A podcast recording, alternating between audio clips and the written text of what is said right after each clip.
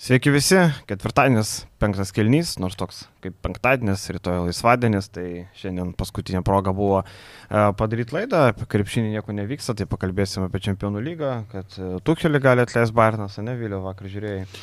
Gali būti Tuchelis paliuosuotas, kaip tik buvo beje Eurobasketas 2022 metai. Uh, Du didžiausi įvykiai to Eurobasketo buvo ir nebuvo bus jie su krepšiniu. Tai Tuchelis paliuosuotas iš Chelsea ir karalienė mirė.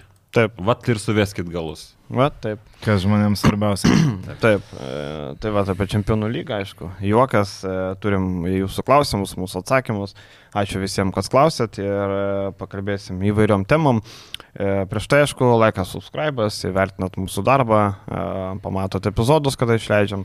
Žodžiu, viską žinot, tik ne visi daro. Žino, bet nedaro. Va, tai... Įprastinė tvarka, kad taip. taip, tai va, kas pagal įprastinę tvarką dar net prenumeruojat kanalą, paspauskit prenumeruoti ir viskas bus gerai. E, ir karmas taškų gausite, ne? Šiaip galvoju, gal nuo KMT pradėti, bet blemba tos tu, tokios tuščios šnekos, kaip Gedraitis dengs Fosterį, kaip Lietkabelis su rytų PAM ant PAM, kaip Šiauliai neturi šansų, nežinau. Bet va, aš pagalvoju, užsiprenumeruosit kanalą, pirmiau pamatysit, pavyzdžiui, intervus iš KMT. Iš karto gausit ten tą pranešimą, kad atėjo interviu su Markusu Fosteriu į krepšinį. Arba su Dovydu Gedraičiu. Arba su Dovydu Gedraičiu, va kiek naudos. No. Mes dirbsim net keturiesi turbūt, ne? Aš nu, turbūt. sekmadienį net keturiesi būsim iš krepšinis, net tai čia jau yra... Turbūt. Rekordas, tručiuką matai, mūsų pernai po vieną varėmą. Nu tai žinai, ten, nežinau, kiek ten tie interviu tokie, žinai, kiek jie tai, įdomus, tai va, po tų rungtynių. Tai... Po finalų dar suskaito, sužiūri daugiau. Jo, kažkiek. nebent kas nors rezonantinių, žinai, kas nors kam nors lempą duos ar kažką. Tai, ar. Tai tik tai dėl to, va. Fo, Fosteris pasardys prie žalgyros ir galius. Nebent. Bet šiaip apie kamatą turbūt, nežinau, kažkokių įdomesnių teikų turit, bet tuos, kuriuos aš vardėjau. Ne, nu tai tie teikai labai kažkaip greitai pasensa, jau ryto, ne, poryt. Poryt. Poryt jo. Aš taip pagalvojau, galėjo būti penktadienį karalius Mindogo taurė, ryt laisva. Galėjo. Penktadienį, šeštadienį. Šeštadienį žiūrėk jau finalą, jau vis tiek įdomiau. Man atrodo, po šeštadienio tokios... finalų galėjau atkaune pasilikti, tvarkingai praleisti jo. vakarą, atšvesti. Kažkaip Čia... smagiau gal būtų, ne? Labai puikiai mintis, sakyčiau, kitais metais siūlyčiau organizatoriam kreiptis į Vilius. Vilius ne, tai kitas, kitais metais nesukris, tai pasaulio 16 ko gero. Greičiausiai ne. Pra, pra, promachas, kaip sakė. Nieko nepadarysi. Tai va, apie kamatę turbūt. Šiaip įdomu, at, iš renginio pusės, kas varys iš kitų miestų, va, galite ir pakomentuoti, vis tiek, manau, daug kas klausančių važiuoja. Varys įdomu, tarkim, Vilniečiai, Panevežėčiai, Šiuliečiai su nakvynė į Kauną ar važinės atskirom dienom, nes šiaip, pavyzdžiui, mano draugų pažįstamų tarpe yra grupė žmonių, kurie, kad ir kur vyksta KMT finalinis ketvirtas, varo visam tam savaitgaliui su nakvynėm ir taip toliau, pavyzdžiui, pernai šiauliuos ir taip toliau įdomu, kiek va taip pakeliaujančių yra kitų komandų ir galių apskritai. Jaučiu, kad su nakvynė neapsimoka važinėti pirmien gal, vis tiek.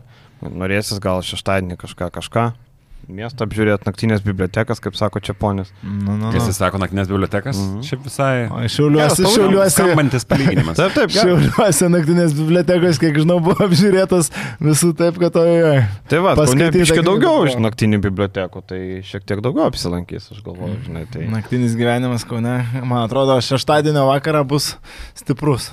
Jo, ten daugiau apie kas ką, ten PM ant PM. Aš sakyčiau, kad rytas daugiau šansų negu PM ant PM, turint omeny lietkabelio problemas su traumom, naujokai dar tik atvažiavę. Žalgeris šiauliai, nežinau, 9 ir 1 turbūt, ne? Trumpas mano toks įsikišimas būtų, kad e, aš manau, kad e, rytas yra 7-5 ant 2-5 favoritas. Gali būti. Kovoj.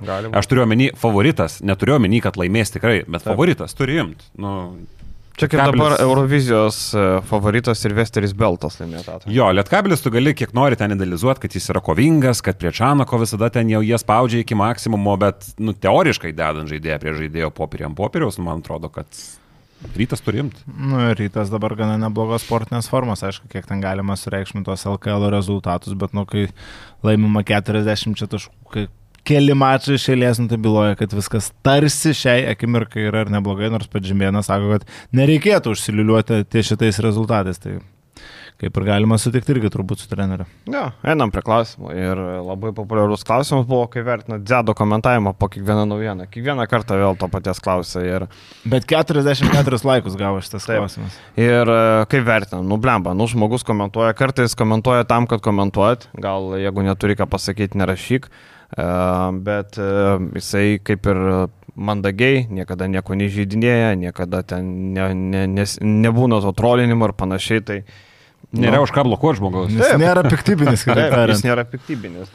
Tai vad, bet e, yra piktybinių, kur ten kartais portalė ateina susikūrė niką ir pradeda fladinti nesąmonės, tai tie žmonės jau informuoti policijai, pas, pasibels pas juos į duris. Um, čia jau kitos temos, bet Šiaip jo atsiradė dabar labai piktybinių veikėjų. Jam Dzedas nepatinka, kad čia neva Dzedas yra... Dzedas yra tas bičias, aš pastebėjęs, kuris komisariatė sulaikytas, bet jam antrankių nededa ir, ir jam nėra už ką, nu jis klausinėja tarsi pareigūnų. Šiaip klausimų, tai jam nėra už ką tos Tarkim, žinai, antrankių. bus, bus naujiena, tarkim, va, apie KMT koks nors e, Čanako interviu. Ir pirmas komentaras bus Zedas. Laukia įdomios rungtynės. Nu, ką, baninsi už tokį komentarą, nu įdomu žmogui. Taip. Sakau, kartais gal, e, jeigu neturi ką pasakyti, tai gal ir nereikia to daryti. Ir, ir viskas, o čia samokslo teorijos, kad čia pas mus dirba, tai e, naujienų populiarumą padidina, tai nežinau, kiek komentaras padidina naujienos populiarumą. Nežinau, jeigu ten prie naujienos kažkokios penki komentarai, vienas iš jų dzėdo, ar tai labai stipriai nu, sudomins kažką, abejoju. Žinai, kai naujiena, tarkim, rimtesnė, sulaukia ten keliolikos tūkstančių paspaudimų, ten peržiūrų, tai ten, kad kažkas 30 kartų komentarus atrašant, tai yra lašas jūroje, realiai tie keli paspaudimai. Tai tu pasižiūri laivą, kiek renka peržiūro, ne, ir ten, kad pakomentuotas, ten Zedas pakomentavo, tai čia kapeikas visiškai čia. Absoliučiai nežaidžia tam. Etatas neatsipirktų. Neatsipirktų niekaip, nes čia, žinai, vienas vartimas kiek kainuoja, čia centų centai, žinai, tai niekaip neatsipirktų. Ką teko girdėti apie Neptūnų susidomėjimą Šeškumi, ar jis stotų prie vairo šį sezoną? Tai Neptūnui siūlo daug įvairiausių trenerių. E, Pakenas rašė apie Vovorą, e, Čiaponis sakė apie Šeškų, aš sakau, kad buvęs toks Šlionsko treneris yra siūlomas, e, kuris treniravo. Urliapas? Ne, ne, ne, ne, Šlionskas treniravo e, visai neseniai. Jacikas Vinickis Vinickis dabar treniravo. dar treniruojasi. Taip, Fantastika. taip, Tai taip. tada ne, ne Urliapas, ne Vinickis, kas dar Nu, blemba, Urlė Pašlionską treniravo Seniai, seniau, nu, seniai, taip. prieš porą sezonų. Taip. Tai va, tai ne, ne, neseniai treniravo. Žodžiu, daug tų pasiūlymų yra. Man atrodo, kad kažkur ir Ilijas Zurosas vaikšto aplinkui Švytorio areną. Tai man atrodo, kad pasiūlymų labai O tai daug. įsivaizduoja, kad Jacika Vinickį pasirašo ir yra tas uh, plakat, nu, tas paustas, uh, kur sumaketuotas Welcome Jacek. Labai, Jacek. labai gerai skambėtų. Jacekas Vinickis vienu metu buvo panašus į, į tą vyrą iš Homelando, jeigu matei. Homelandą. O ne iš atgal į ateitį profesorius. Blemba, man labiau į tą vyrą, į, į, į tą e, bosą tų federalų. Nu, nesvarbu, bet e, apie Šeškų, nežinau, aš kiek Neptūnui vakar kaip tik rašiau tekstą apie Neptūno nuopolį ir kaip viskas vyksta, ne, tai man atrodo, kad Šeškos pasikvietimas nėra e, didelė vizija žiūrėti priekį. Man atrodo, kad tam, kad pabaigti sezoną, tam, kad kažką padaryti, nežinau, aš kažkaip e, manau, kad Neptūnas turėtų kelti savo didesnius standartus negu Virginijų Šeškų pasikviesti. Tai važiuoti nebent ant tos senos geros magijos, tos teorijos, kad Šeškaus komandos vis kažką pasiekė, bet kaip matom, prie prastos komplektacijos nelabai ten yra tų pasiekimų, bent jau kol kas šį sezoną su tuo darbu, kurį dabar įdeda ir Jonava lieka Jonava, man atrodo, kad reikėtų žiūrėti kažkur šiek tiek galbūt į kitą lentyną. Tokiam Neptūnui vėl mes grįžtam, kad e, nu, tai turi būti kažkada išvalyta organizacija ir jeigu mes matėm su to komplektacija, kuri buvo rinkta dabar, nu, ji nebuvo visiškai bloga, jeigu mes dar pridėsim ir, ir, ir, ir, ir ažalo tubelį.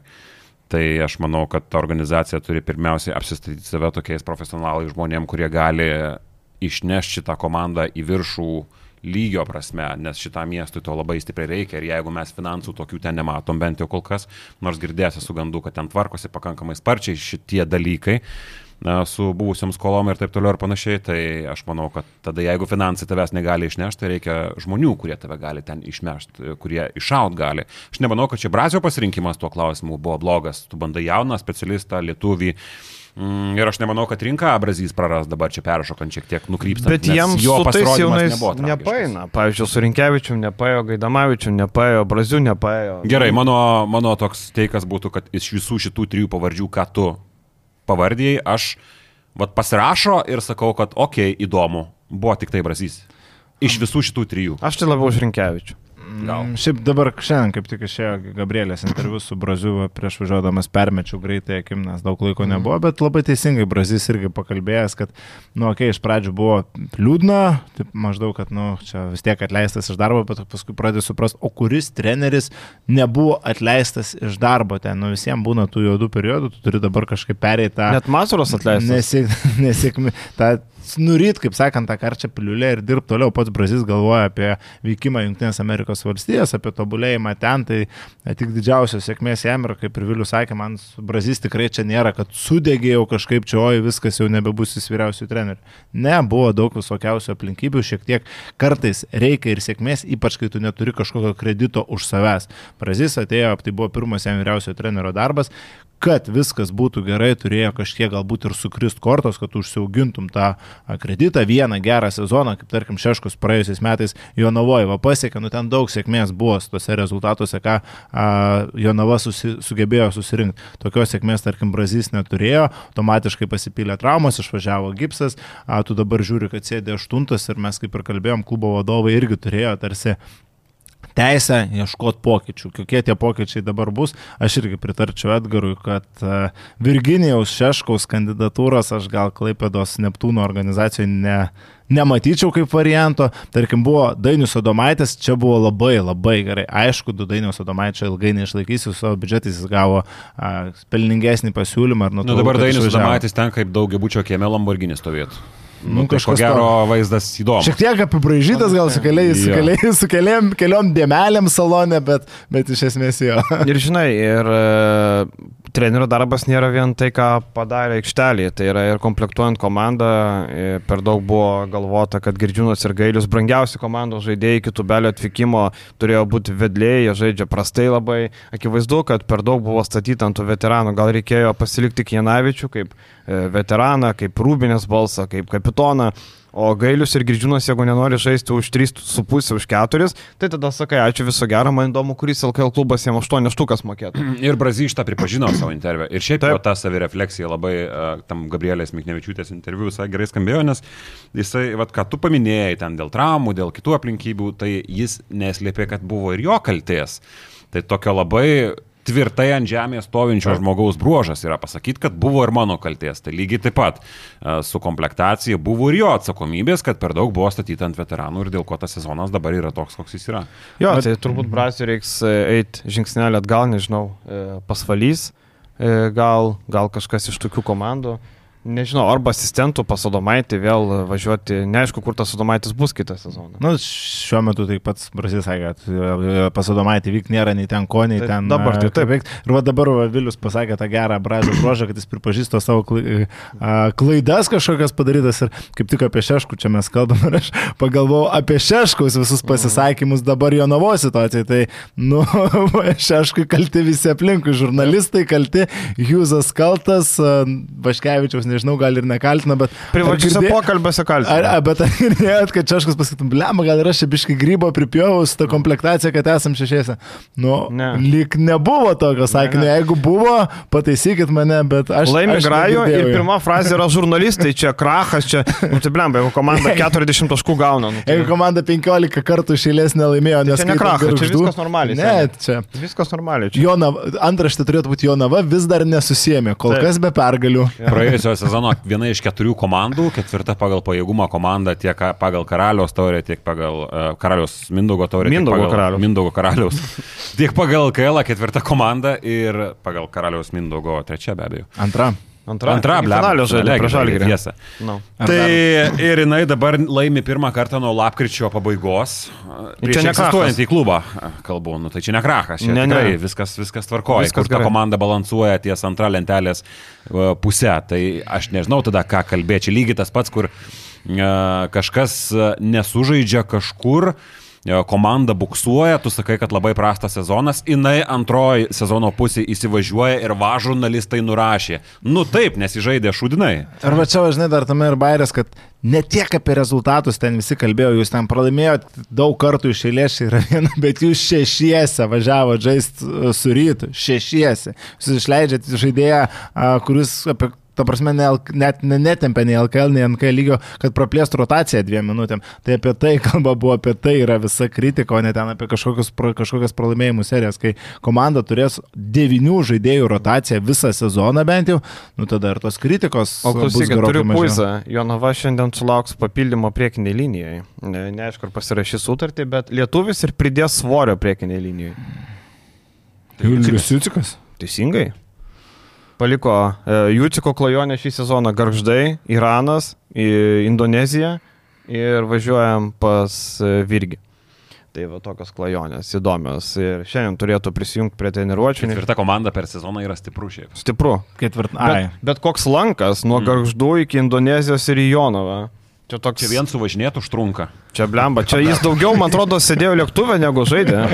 Čia jeigu taip sudėjus minutės turbūt. Man Ir irgi pasų buvo. kontrolės dar kokiam Irane, O. tai tu įsivaizduoji. Šiaip irgi geras intervas su Juciku buvo, kaip jis buvo nustebęs, kad, kad yra Irane ne viskas tai, tai, tai taip gražu. Kaip tik. Indonezijoje istorija tokia buvo įdomi, kad, e, e, žodžiu, buvo situacija, kad Jucikas e, rungtynėse, kovodamas dėl kamulio, netyčia sulkūnė voštelėjo vienam žaidėjui. Ir pripažino, kad ten nesportinis veiksmas ir jis suspendavo trijom rungtynėm. Ten tokios taisyklės. Mm. Jisai, nu, mes žinome, Jucikas toli gražu iki piktybinio žaidėjo. Nu, jis gerietis toks. Meškinas, kaip jį vadina Lietuvos meškinas.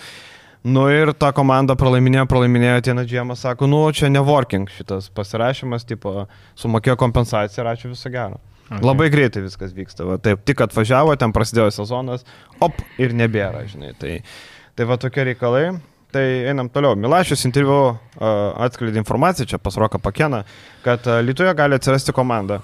Ar teko girdėti, ar tai realu, kad Vainauskas ir pačias stos prie projekto Lietuvoje?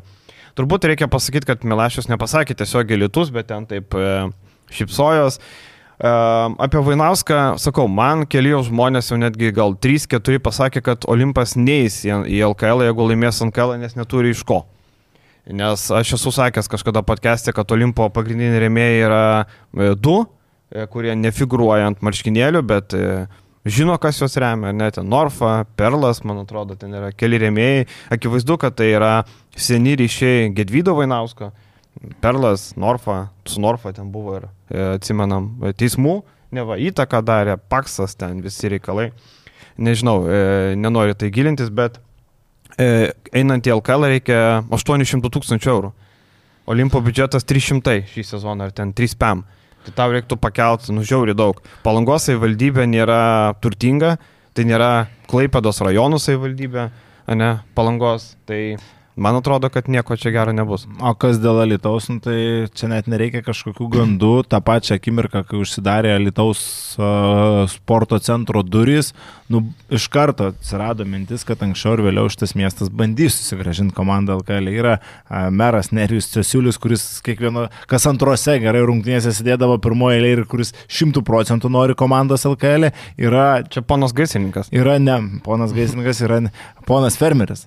Ar fermeris? Ferma mano ferma, dar Ferma, realybės šou. bet e, po to gaisininkas buvo. Po to gal ir gaisrininkas paspėjo pakeisti žmogus specialybę. Dabar Nes meras. degė. A, tai vienu žodžiu, fa, miestas yra, kuris šeštas gal pagal dydį Lietuvoje. A, natūralu, kad savivaldybė turi pinigų, yra arena atitinkanti, švelniai tariant, reikalavimus LKL ir nuo laiko klausimas, kada Alitus vėl bandys susigražinti komandą LKL. Ar tai bus per pačias, ar tai bus jau per kitus asmenys, nu čia jau laikas parodys. Bet šiaip e, man labai gaila, kad e, Olimpas neturi to tokio, nežinau, ambicijų, neturi išteklių turbūt, kad galėtų patekti į LKL, nes dabar pasižiūri jų puslapį, net tarkim, rėmėjai, kurie yra nurodyti, tai yra Ambertonas viešbutis, matyt, gali gyventi. Tada yra Polsio rehabilitacijos centras Pušinas, Gintaro baldai, kurių reklama yra ant marškinėlių e, galo. Ir mes žinom, kad ta pozicija yra labai pigi ant marškinėlių galo. Ir Kauno kolegė, su kuria bendradarbiauja, nes atsiunčia stažuotis e, jaunuolius, studentus į klubą. Tai matom, kad e, nu, remėjais nelyja, bet taip ir yra, nes tai yra palanga. Aišku, o dėl Alitaus aš būčiau nustebęs, kad pačiasas ten dalyvautų, jis ne vieną kartą netgi per LKL uždarimą užlipęs ant scenos pasakė, kad jam užtenka, jis atsikando, iš čia investavo, padarė. Tai aš būčiau labai nustebęs, kad pačiasas vėl bristų tą pačią upę. Nebent kažkokie kitokie žmonės, bet, bet faktas, kad LKL reikės kažkur iš kišenės ištraukti 12 komandai. Čia, kad darytų, ką tik tai nori, gali ten, žinai, arti dirvonus, bet, nu, tu turi rasti. Tai telšiai viltis yra, telšiai eitų. A, jeigu jie laimės, jeigu jie laimės į NKL, jie tai dvi komandos vieno areną. Nu, tai kažkaip reikėtų derinti. Nebent Jarutis pastatytų per vasarą areną. Ten toli gražu iki arenos, kiek Ne, tai aš juokauju, bet jo, jo. tiesiog šiaip sakau, nebent pastatytų kažkokią palapinę, žinai. O prabilom. Bet nu ir telšiai yra toks pritemtas variantas, tu turi telšius mažiekius vienam regione, vienoje arenoje, toks jau labai, nu, iš bėdos, kaip sakant, variantas, manau, du. Aš nemanau, aš, man svarbiausia, kad čia būtų finansiškai pajėgios komandos, jeigu telšiai sugeba surinkti e, solidų sezoną. Aš nemanau, koja e, negalėtų keistis areną kaip Lakers. Taip, jau čia tas Lakers ir Clippers palyginimas, jau jau klaipėda šiemet Lakersai su Clippersais buvo. Aš irgi prieš telštelšius tikrai nieko neturiu, tai viena turbūt stabiliausių ir geriausių organizacijų dirbančių nacionalinį krepšinį lygą, bet tiesiog tam regionui jau šiek tiek gal perspausti. Tik, nėra ką daugiau imti. Tik aš turiu daug abejonių dėl telšių galimybių įsigyti gerus žaidėjus. Man atrodo, kad jų akiratis labai siauras pasižiūri dabartinę sudėtį, legionierių neturi. Nu, turi Valerija Nisimova, kuri žaidė prieš tai delikatesį, ten panašiau ukrainietį. Bet iš esmės e, jų pajėgumas man kelia labai daug klausimų. Jie, aišku, dabar yra antroje vietoje, viskas tvarkoja, bet e, tai kelia man daug klausimų. Kitas dalykas, aš geriau būčiau, tegul būna 11 komandų, bet normalių, negu 12 pritempiam ir jinai būna ten, žinai, su NKL žaidėjais, plus 3 e, iš NCA atvažiavę. Plus tas ir yra, kad telšiuose kokie septyni dabar važiuoju sudėti žaidėjai ir eilę metų žaidžia komandoje. Nu, tai Kaminskis, Razutis, Pocius, Rasys, Berots. Mm. Buvo dar toks Mindaugas Markus, kuris vis, žaidė taip, labai ilgai, dabar jo Maikė kabo. Visi, visi N metų žaidžiantis, tai jeigu tu eini į LKL, nu, tau reikės keis labai stipriai tą sudėtį, tu su šitos sudėtimi. Viską nu, praktiškai pakeis. Ir šitų žaidėjus tarsi atkabint, kurie tavo klube žaidžia eilę metų ir išvedė tave į tą LKL, nu toks gaunasi, nežinau ėjimas apie nieką šiek tiek. Ką manot apie uh, Alekso Antetokumpo atvykimą į Mažiekių M-Basket klubą? Uh, turbūt čia vėl galima pasakyti, kad čia Jarūčių ryšiai. Kažkada atsimenu, kad Jarūtis ryte dirbdamas norėjo uh, E, pasikviesti ant to kumpą ir apie tai, man atrodo, net viešai buvo. Buvo pasakyta. viešai kalbėta, jisai pats kalbėjo.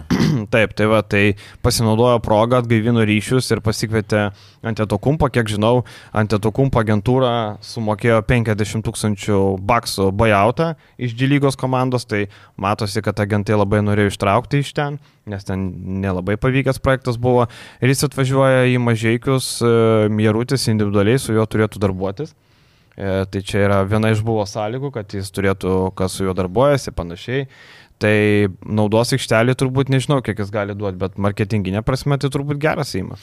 Labai geras, tai vienas iš brolių Janių, šiaip tas brandas. E, Janis dabar mažai žiūrės. E, tas, tu žiūrės, aišku, faktas įsims. ir, ir Milašiaus pasakymas, kad LKL žiūrimas net užsienį, tai nu negalėsi ginčytis ir Janis dabar žiūri. Galės ten... tikrinti, ar iš Milvokio žiūrim ar ne. O prisijungia. O iš Milvokio yra. Kokį Petriką Beverly pridės prie savęs pasižiūrėti kartu, tai aš manau, kad viskas tik tai gera, galbūt ir Deimas Damianas Lillardas. Tai palauk, abu broliai Milvokį. Tai... Abu broliai, vienas uh, žaidžia krepšinį, kitas vaizduoja, kad žaidžia krepšinį. Kitas yra tiesiog pabūt. Tai gal dar Deimas Lillardas užmės akį, nu pažiūrėsim. Tai Lillardas su Janiu Rubinė aptarinės mažiekių ir, uh, nežinau, šiaulių rungtynės. nu šiaip tas antitakumbraus visam pasaulyje yra pakankamai sekamas dalykas ir, ir, ir, ir į tuos brolius užmeta akį ir ten na, tas uh, Aleksas turi labai daug, ten 8 ar 700 tūkstančių followerių. Tai nebejotinai pridės reklamos mažiekiam. Ir kažkiek kokybės pridės. E, ar tai bus žaidėjas, kuris stipriai kažką keis ir apskritai kažką keis, e, daugiau nei kūno prasme. Nu, aš labai tuo abejoju. Bet matysim. Vėlgi, aš tai nesimesiu, kad G lygoje aš mačiau ten tas... Uh, aš vakar žiūrėjau epizodus. Rungtynės, aš nu, epizodus irgi mačiau, bet, nu... Ten nieko ypatingo, nu ką, tai coast to coast. Ką? Mes... Nieko gero. Ar marketinginė prasme tai yra skambiausias atvykimas po bolų? Už Juaną Gomesą Delianą tikrai skambiau. Nu, ten, nu, nu taip, žinai, čia tiesiog pavardė tokia, kad... žinai, seksi pavardė. Bet e, ir dėl žaidimo irgi, žinai. Plus, e, žinai, man atrodo, čia toks, e, va, nuskambėjo vardas dabar Jaručiui, ieškant rėmėjų, nueini pas rėmėjų, sako, o labas, aš iš mažai, o, tai jūs čia Janio brolį paėmė čia. Čia blemba toksai, kur žiūrima ne tik į tą, bet žiūrima, kad galima kažkokį pinigėlį gauti. Bet geras klausimas dėl pavardės, ne, nekalbam apie žaidėjo kokybę, jaučiu gal net, ge, nu, tam laikmečiui, kaip tik, va šiandien, tarkim. Tai nėra, kad skambiausias žaidėjas. Nu, per turbūt, dešimtmetį. Turbūt, kokį. turbūt. Nu, bolai. Nu, jo, okei, okay, bolai, jie buvo sekami labiau nei bus sekamas. Mm, Aleksas ir jau, žinai, visi žinojo, nu, ne visi Tai žinojo. vienas bet, tokių. Bet jie patys aplink save sukūrė hypą. Bet tas hypas nebuvo iš piršto laužtas, kaip Na man. nu, taip, čia tėvas labai padirbėjo ant to, žinai, aišku, po to e, vienas brolis NBA, kitas NBA, kur dar vienas dingo, tai neaišku, žinai, bet šiaip e, toks geras įėjimas, geras įėjimas, va įdomu bus pamatyti aikštelį, gal gaus kažkokiu minučiu, įdomu koks jo lygis, vis tiek e, turbūt iš čia atvažiuoja nesuola patrinti, aš taip įsivaizduoju, kad 50 tūkstančių bajauto mokėjo jo agentai ne tam, kad jisai mažiekių kaviniai kavą gertų, pegasė ten ar kokiam. Tai, o čia beje vienas komentaras rašė, kad Francis Antetokumpo yra žaidęs mažiekių futbolo komandai. Čia Bayeris, nes aš nesupratau, nes čia buvo pas mus komentaruose, sako, va, Francis Antetokumpo yra žaidęs mažiekių futbolo komandai. Tai aš šito va, nesupratau, čia Bayeris, ne Bayeris. Francis Antetokumpo vyriausias Antetokumpo brolis. Čia bandai ieškoti. Bandykim pakel popierius. Nu, bandykit pakel popierius, bandykit. E, Ten dar vienas buvo klausimas tą pačią, ar Rolando Jarūčio šūkavimai mažėkio, prie mažėkio solelio neprimena situacijos Dukijoje, kuomet pačiasas dalindavo patarimus savo komandai ir Nikola Vasilievui kaip žaisti. Nu ten, kiek aš ten girdėjau, kiek mačiau per televiziją, tai nelabai ten kažkokie patarimai treneriui, ten daugiau būna emocijos po šilpuko, ten būna tokie pašokimai, paplojimai, pariekavimai. Ir žaidėjim kažkiek ten matėsi, kad patarimų paduoda, sėdant suolo duoda pitaką, ten pasako kažką, bet kad treneriui rėktų, tai nemačiau to, kad ten treneriui aiškintų. Man atrodo, Jarūtis e, kitaip e, mato šitą Bet dalyką. Jarutis pat, pats podcast'e pripažino, kad uh, išsilieja ten. Uh, Tai rungtynių taip. Taip, taip, tai jis ten labai emocingai. Aš galvoju, kad jis daugiau gal po rungtynių ten tą procesą labai sako viską popieriai, statistikos, kiek kas, kaip kur, man atrodo, pirštų parodo, kad čia problema, čia ir čia. Vis dėlto, kaip bebūtų, man atrodo, Jarutis turi daugiau geresnės patirties treniravimo negu Nikola Vasilievas. Vat aš tau klausimą, vis tiek su Jaručiu pabendraujate ir off the record, išjungus, kaip sakant, kameras, E, pats Jarutis apie grįžimą treniruoti būtent komandų negalvoja. Man atrodo, kad nelabai. Nelabai. atrodo, nelabai. Jam labai patinka šitos rogės, žinai, jis toks e, politikas, diplomatas, tai va diplomato, klubo vadovas, pinigai, man atrodo, kad jam labiau tinka, žinai. O šiaip treniravime tai prisimenu, kokius žaidėjus turėdavo Zamašas. Žinai, prieš ką Tai va, Tas ir žaidžiu. yra, kad visai įdomias, įdomų klubą jis yra treniravęs, įdomiam lygiai dirbęs. Ten blemba, tokie žaidėjai buvo, kur pasižiūri, kur Nikola Vasilievas tik sapnuoja, kad treniruoja tokius žaidėjus. Tai čia Dar tu vienas- vis Franci googlini. Jo, nerandu O tokio. jisai žaidė šis futbolą? Jisai žaidė futbolą. O. Graikijoje AS Party komanda kažkiek buvo 18-18. Tada buvo be klubo. Nu, va, matai, tai gal. Nu, žodžiu. E, Jeigu sufeilinam ir nežinom, į mažai kas. Tai aš nesakiau, kad e, čia tikrai informacija, Jo. sakiau, kad parašyta, tai aš nežinau. Bet ne, jeigu žaidė ir mes nežinom, tai biškai gėda, bet aš irgi. Nu, ką reiškia, mes nežinom. Nu, tai. e, dar vienas klausimas. Ką manote apie Lietuvos trenerių krepšinio lygį? Va, dar įsterpsiu, radau jo transfermarktą, tai netokia pavardė konkrečiai. Jam 3-5 metai yra, jeigu šitas pats bičias, Mhm. atrodo, kad tas pats uh, netaip rašosi jo pavardė kažkaip įdomiai popieriuose. Aha. Tai nėra tokios informacijos. A. Yra tik tai uh, nežinomas klubas vienas parašytas, tai gal šitie patys mažiekiai ir du graikijos komandos. Ten mažai kažkaip e, kažkokią komandą. Atmosfera. Atmosfera, va. Nu, žodžiu. Tai va, tai gal ta nežinoma ir yra? Gal. Gal. Ką manote apie Lietuvos e, krepšinio trenerių lygį? Vienintelis žibienas e, dar dantimai iš rinktinės štabo laikosi savo vietos po FESCO Europoje. E, Tai gal bėda ir medalių sausroje nežaidėjo, pripažinkim trenerių prastas lygis. Kalbam apie trenerius Europoje, o jų yra zero. Vienas dalykas jo, dėl Europos aš sutinku su šito komentaru, nes mes jų neturim jau eilę metų, buvo kažkada sukritusios aplinkybės, kad turėjom Šarą, Kestutį, Kemzūrą, Kurtinaitė. Kurtinaitį, buvo trys treneriai, tai buvo aukso amžius. E, Bet aš nesutinku dėl atleidimų gausos, kad dabar jau mūsų trenerių lygis nusmukęs vien tik dėl to, kad LKL yra atleisti penki, kiek šeši treneriai. Nu, nesutinku su šituo, nes kiekvienas atleidimas yra visiškai skirtingos aplinkybės. Dabar nedapacevičių nuimtų, nuims, nuimtų, nežinom kaip bus. Ir sakysim, va dar vienas lietuvis neįsilaikė poste, ne, jo situacija visai kitokia. Jis buvo laikinasis, kaip Jis- ir Vidas. Jo, jis yra laikinas treneris. Vadginevičių nuimtų. Ar čia mes skaičiuotume? Tai jis laikinas, Ne. jis pats net. Brazį nuimė. Ar tai Mhm. parodo kažką apie jo lygį? Galbūt, o galbūt ir ne. Aš vienareikšmiškai nesutinku. A, Lygiai taip pat Žibėną dabar nuimtų, ar ne? Nu, tarkim, utopinė situacija, bet nuima Žibėną. A, Pasako apie vieną prastą sezoną, bet ką jis padarė prieš tai, jis laimėjo LKL. -ą. Tai ar tai pasako, kad jo lygis prastesnis kažkuo? Nu, nebūtinai. Tai aš neplaku į vieną kokteilį visų atleidimų ir aš nesakau, kad dėl to, kad dėl LKL ekosistemos mūsų trenerių aplinka yra kažkokia tai šūdina. Aš kalbu apie Europą. Čia kas klausė, pirma klausimo dalis ir buvo gera. Taip, Europoje neturim trenerių, čia yra bėda. Ir čia yra labai nuotaikos dalykas, tas šokimas į vagoną, išvertus į lietuvių kalbą. A, Kai buvo paskirtas Lietuvos rinktinės a, trenerių štabas, aš puikiai atsimenu, kokios nuotaikos vyravo tada. Visų Lietuvos didžiųjų klubų treneriai dirbs Lietuvos rinktiniai pasaka, kaip gerai. Žalgiris, Rytas, a, Vuls, top 3 komandos, visų, visi 3 treneriai rinktiniai, tai čia stipriausias štabas, ką galim turėti. Wow, kaip fainai. Dabar tai du treneriai atleisti, dabar jau viskas tragedija, tai mūsų treneriai silpni ir netraukia lygio.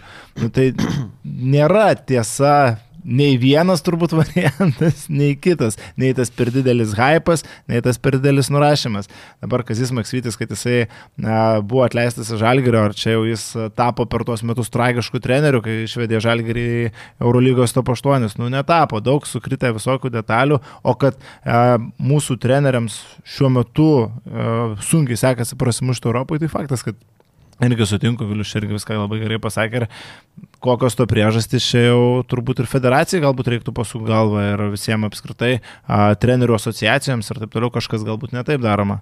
Kad, ir, ir kiek italų, tarkim, dabar dirba Eurolygoje, nu, su poceko, be poceko, krūva. Dirbo, dirbo, tai vis tiek galiu užskaityti, nes jis dirbo. Nu, Taip, tai buvo to aplink. Bankį, Andrėja. Andrėjas, Kariolo dirbo. Ne, nu, praeitą Nu, sezoną. Nu, tai tas ant Poceko. to bankė ir Skariolo vienas kitą pakeitė. Tai Poceko. Trumpai. Dar? Kas dar? Viskas. Keturi. Man tas visą laiką e, nepatinka pasakymas, kad trenerių kolektyvas, e, garsios pavardės, stipriausias kolektyvas. Ne, trenerių kolektyvas. Tai turi Messina? Labai, labai Messina, Mesina, tai jo. Trenerių kolektyvas turi labai sulipti tarpusavį, turi labai gerai pasidalinti savo užduotis ir panašiai. Nu, Jeigu mes pažiūrėsim Junktinių Amerikos valstijų rinktinę, pasižiūrėkit, nu ne tik praėjusiam pasaulio čempionate, bet ir dar anksčiau tai buvo Gregas Popovičius, Styvas Keras, Blemba, čia, tvarsme, jau širpšta oda nuo šitų pavardžių, Erikas Polstra, dabar šįmet ir Tyronas Lū.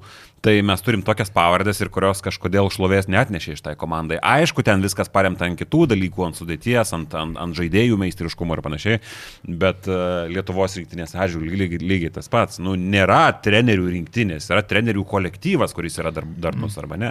Galų gale, ar 2003 metais Antanas Reika tikrai buvo geriausias tuo metu treneris Europoje, nu turbūt irgi, kad nebuvo kažkoks taktiškai ten e, genialus e, strategas Antanas Reika tuo metu, bet turėjo pakankamai gerą sudėtį, leido žaisti ir laimėjo. Ir dabar Antanas Reika yra vienintelis Europos čempionas. Ir a, nieko tu čia nepadarysi.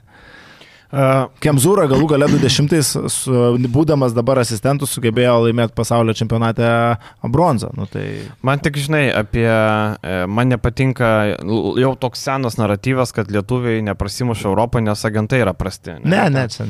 Čia toksai, nu čia toksai prastas naratyvas turbūt, e, jis kažkurį laiką gal buvo gajus, bet dabar mes turim labai gerus agentus, ten nežinau, Šarūną Brogą, Marių Rutkauską, Tadą Bulotą ir panašiai. Mes turim stiprius agentus, tas pats Evaldas Rimkus turi gerų rinkų.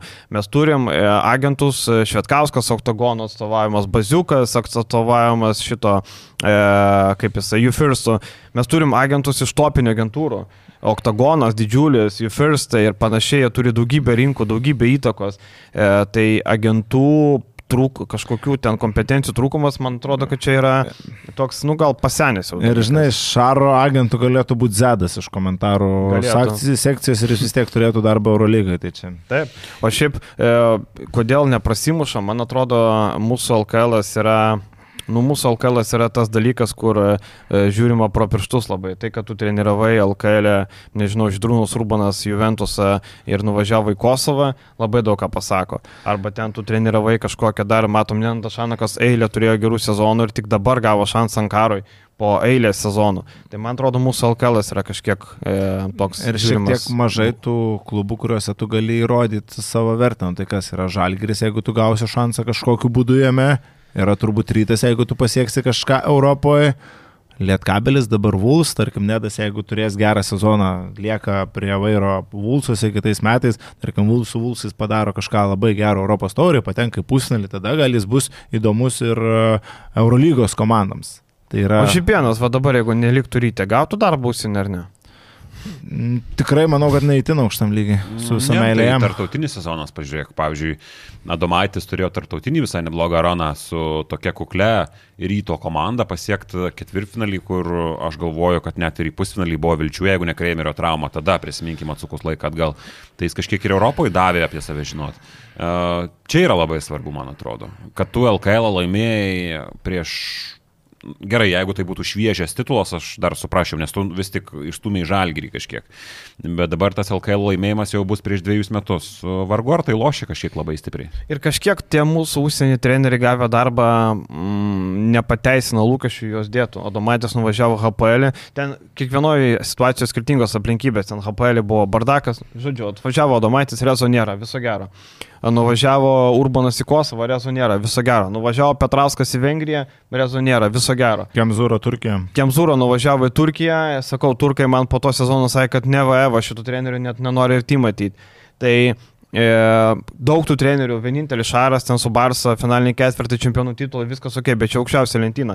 Daugiau mūsų nuvažiavę treneriai nieko nepadaro. Va, Tomas Rinkevičius dabar Rumunijoje, va, tas geras Kelrodis, kur praeitą sezoną perėmė komandą prastoje situacijoje. Man tas Šesnauskas Lenkijoje. Nu, bet jis jau nebe lietuvis, jis atsakęs pilietybės. A, jis atsakė Taip, pilietybės, jis tik Lenkijos pasą tada. turi. Okay. Čia senokai, jau senokai. Praleidau. Jo, nes jis, jis nebeturi Lietuvos paso, nes kaip žinai, arba vieną, arba kitą. Tai, tai va, tai esmė yra labai paprasta, žinai, kad mūsų tie treneriai nuvažiavę nieko neparodo. Kemzūra ten ten, Eurolygoje, čia kažką, kažką atrodo, jau čia daug su Blatu dirbo, ten Turkijoje, bam, nieko gero. Tas pats kurtis Himkose, prisiminkime. Tai jo, tai kurtis irgi ten laimėjo Eurocapas, negali sakyti. Jo, bet kada tas buvo? O paskui va. jau turėjo sezoną, kur dugnų dugnas. Tai va, tai va, tai apie ką ir daina, žinai, tai man atrodo, čia viskas į vieną dedamąją. Tai susumuojant, imtum, jeigu Kazis, tarkim, pasitraukia po šito olimpinio ciklo, nesvarbu, kaip jisai susiklosto, Kazis išeina, tarkim, iš rinktinės, Už si netimtum? Bet Gibalčiūnas sakė, kad neims. Tai aš nebalčiūną Gal klausiu, aš Balčiūno nebuvo, nebalčiūną Čiūno klausiu. gali nebūti. Aš tai, žinai, aš esu kosmopolitiškas žmogus. Aš imu ir Evansą į rinktinę su, su pasu ir imu trenerių užsienietį. Man, man nėra problemos, kad rinktinė treniruoja užsienietis ir ten žaidžia Kinanas Evansas. Aš nematau jokios problemos, mes čia išdidus. E, mes čia lietuviai, mes čia viską. Aš tai, tai žiūriu labai lankščiai. Jeigu kiti gali, kodėl mes negalim? Kas čia mes tokie? Mes čia krepšinio tauta didžioji. Aš Ką laimėjome? anksčiau buvau to labai irgi požiūrio, kad ne, ne, nereikia. Treneris dar ok, dėl trenerio, tarkim, užsienietis visada nebuvo kažkoks didelis kraštutinumas man, bet dėl Kino Evanso aš irgi pradedu, tarkim, galvot panašiai kaip tu. Jeigu kiti, ir, nu, FIBA yra padarius spragą, nesąmonę, klaidą su tais naturalizavimais. Nu, gal ne tai, kas vis- spraga, bet tiesiog tokia taisyklė. Nu, man tai yra nesąmonė. Man, bet nespraga, spraga, kai tu gali apeiti. Čia nieko nepeini, čia tiesiog leidžia. Okay, taisyklė, kuri mano galva yra visiškai nesąmoninga ir visi tuo naudojasi, mes vieninteliai tuo nesinaudojam ir dėl to kenčiam. Niekam neįdomu, kad mes ten to naturalizuoto žaidėjo neturim. Mes prieš save tik tai savo labai faini, nu taip, tas pasididžiavimo jausmas prieš save labai fainas, bet tada nustokim drošt. Uh, komanda, kuri nepasiekė medalių, nes neturi naturalizuoto žaidėjo. Dabar mes būtumėm visose čempionatuose turėję po gerą skorerį naturalizuotą. Keenaną Evansą. Keenaną Evansą. Mūsų rezultatai tikrai būtų. Būtume kitokie. Ispanus ištraukę tikrai aštuntfinalį Eurobaskete, žinai, tada... Tai net nebūtų ispanų reikėję traukti, nes būtumėm grupiai likę ne ketvirti. Nu tai va, apie ką daina, tai žodžiu, sakau, aš tai žiūriu labai lankščiai, nežinau. jeigu jūs žiūrėsit uh, į istoriją, ką Lietuvos rinktinė pralaimėjo, tai buvo dabar prieš uh, serbus, buvo tada prieš Ispaniją, uh, dar anksčiau buvo prieš Graikiją. Uh, Prieš Prancūziją aš diskutuočiau nebūtinai, bet prieš šituos tris varžovus, mano galva, būtent tokio žaidėjo ir pritrūko. Vienintelės dalies, ką tu galėjai nuveikti tuose čempionatuose labai nemažai, man atrodo, kad būtent to ir pritrūko. Bet aš vis tiek lieku prie savo. Ne. Nu, sakau, aš tiesiog... Mano požiūris, kad ne. Diskusijų labai klausimas, aš irgi Jo. čia taip žinai, ant karštų pagaudas ir taip pagalvoju, ir kitaip. Je, iš kitos pusės, jeigu mums pavyktų kažką pasiekti, pagaliau be naturalizuoto žaidėjo, nu tai būtų visiška atgaiva. Bet mes būtumėm atstovėję savo ir įrodę, bet kai eilę metų nebepavyksta to padaryti, nuskauda, tikrai skauda. Tu matai, ispanai naturalizuojasi Lorenzo Brauną ar kelia e, čempionų taurę, o mes išdidus, mes garbingi, bet krentam aštuntfinalį. Nu tai tas išdidumas jau pradeda kartais a, sugniužulų gerklės Tik stovėti. žinai, yra išlyga kokia, kad nebūtų tas neutralizuotas, dabar nežinau, koks nors e, nusipaimam kokį nors uh, Maiką Jamesą, kuris niekada nėra žaidęs Lietuvoje ir jam tiesiog reikia pasakoti. Man atrodo, kad jeigu jau, aš, aš, aš visai sutikčiau, jeigu naturalizuotas žaidėjas būtų kaip, a, Kaip Evansas žaidė Evansas žalgirį. arba Fosteris. net ir ne, aš galvoju, kad turėtų būti žaidėjas, kuris, nu, jau bent jau Tomasas Vokapas ir jeigu jis dar Taip, taip, būtų toliau taip, taip, pasilikęs. taip. E, idealus atvejis, jeigu būtų negynybinio plano žaidėjas, o skoreris, tai vad kaip Evansas, tarkim, nu, kad ta žaidėjas turėtų ryšį kažkokio su Lietuva, nes yra bent jau kokius ten trejus metus čia. Ir tada žmonės kitaip priimtų. Ir tada žmonės kitai priimtų ir aš manau, kad aš tada galbūt jau pagalvočiau, sakyčiau, kad okei, okay, čia jau verta pasvarstyti, sudėti visus už ir prieš.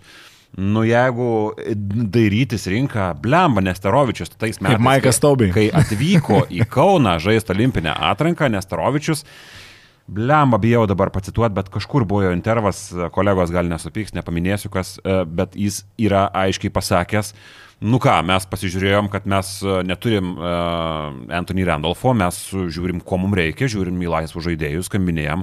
Tai čia yra tiesiog elementarus rinkos eksplorinimas, rinkos naršymas ir bandymas mėgs kažkokį kontaktą. Taip. Tai taip ir buvo, kaip klube, lygiai taip pat pasiūlai algą atvažiuoja, Maikas Tauby, nu ir viskas.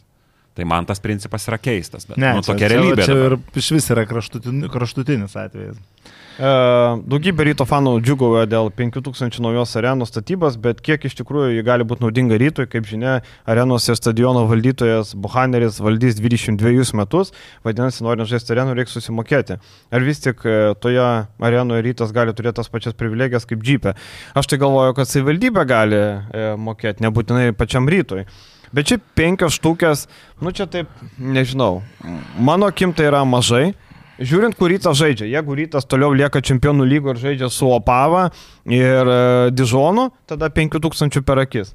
Bet jeigu rytas kažkada dar galvoja žaisti aukščiausio lygio krepšinį, tai tada, žinai, tada gal ir ne. Aš sutinku, kad rytui reikia naujos arenos ir Vilniui reikia naujos arenos, bet 5000 ir man atrodo mažokai. Nu, Tai yra 5000, nu, per mažai, per mažai. Jeigu tu dabar uh, užpildai jau FIBA čempionų lygos bet kuriuose rungtynėse daugiau ASG arenos, tarkim, uh, buvo tos per svarbiausius mačius, nu, tai tu turi kažkokias lubas pasilikti savo augimui 5000.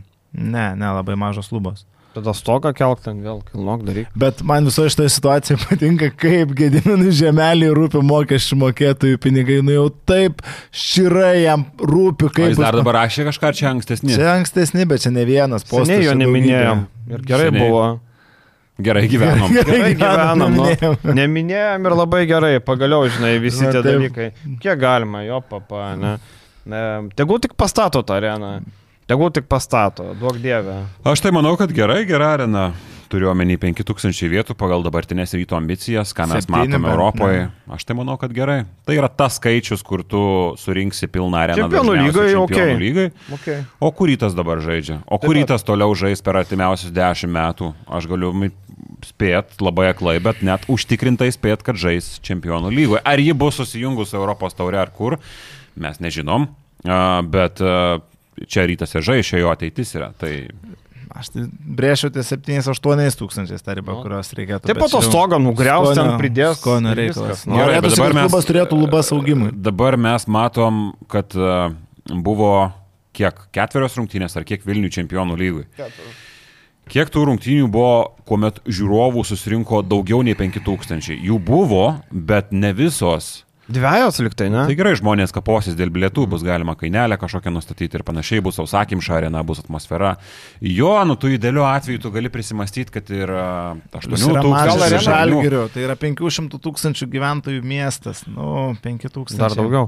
Daugiau bet, dar, Bet to, nu. žinai, gal ta arena bus tokia malonesnė ta prasme, kad bus įrengta erdviau, tų likų daugiau, kur dabar problemų, prekybos vietų daugiau, nu bus maloniau, žodžiu, žinai, gal. Ne, tai džipas tai iš vis yra, nu, ta prasme.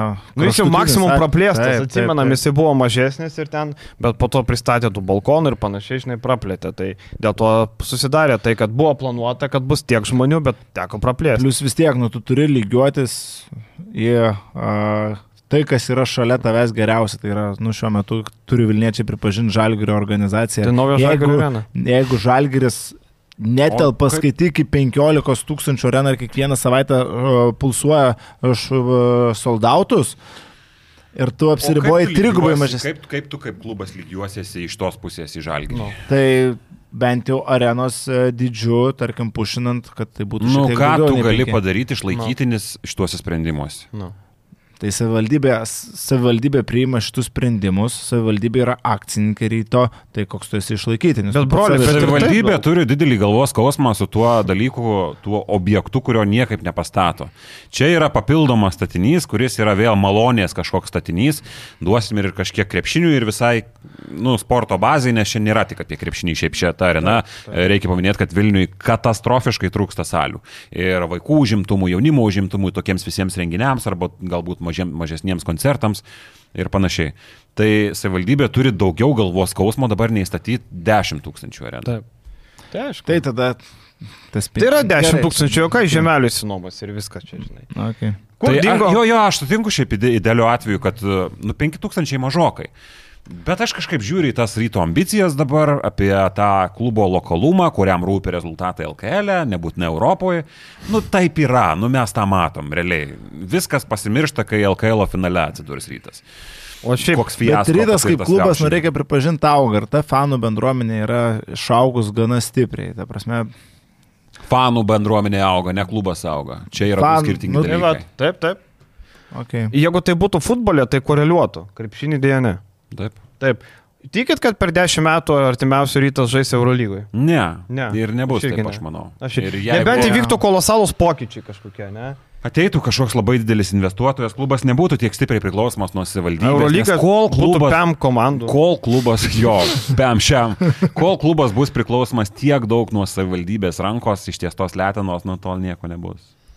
Saulius, kur dingo Milaknis? Oficialus pranešimo apie karjeros pabaigą nebuvo, e, klubo taip pat neturi. Man atrodo, reikia Milaknio susitaikyti, kad karjera baigta, kad Milaknis nemėgsta garsiai baigti karjerų, ten garsiai skelbti, mes žinom, jis nėra tas žmogus, kur ten garsiai viską sako, viską skelbia. Buvo, žinau, kad ir kolegos skambino, ir mes skambinom ne vieną kartą Milakniui, bet buvo atsakymai, kad neturiu ką pasakyti, neturiu ką papasakoti, nenoriu ir panašiai.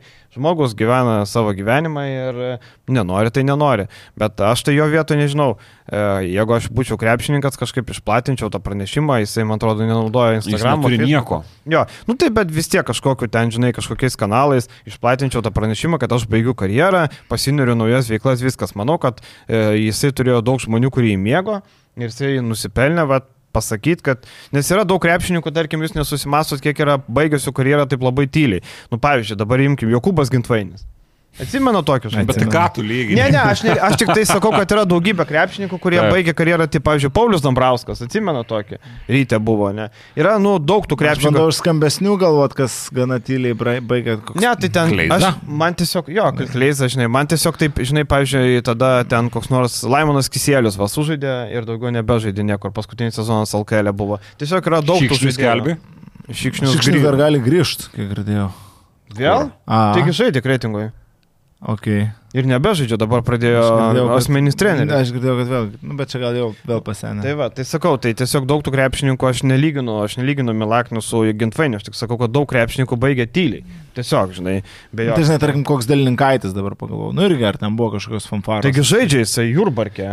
Nu, jopšt, vairogės. Dar nebaigė. Nu. Atsiprašau. Nu, taigi ir Lukauskas ten. Taip, taip, taip, visi. Nu. Na, atsiprašau. Dar nenurašyk, dar Dar nebaigė Dar kitą Bet tai. Sakai, skambiai baigs Delininkaitis. Nu, gal neskambiai. Nu, bet gal praneš. Gal Jis bent, bet šiaip jis mėgsta pašnekėti, tai paskambinė, tai jis jau taip pašneka normaliai, tai bent jau tiek, žinai. Mm. Tai man tai šiaip kažkiek Šalgirisgi žadėjo ten kažkaip atsisveikinti su Milakniu, padaryti kažką. Tai... Bet tai reiškia, nėra jokio sprendimo. Jis pagerbtų žalgris. Aš nemanau, kad čia būtų problemų. kažkokių. Bet tai ar jūs tikit, kad veteranas sezoną praleidęs be klubo dar galėtų kažką? O kodėl yra tokių buvę pavyzdžių?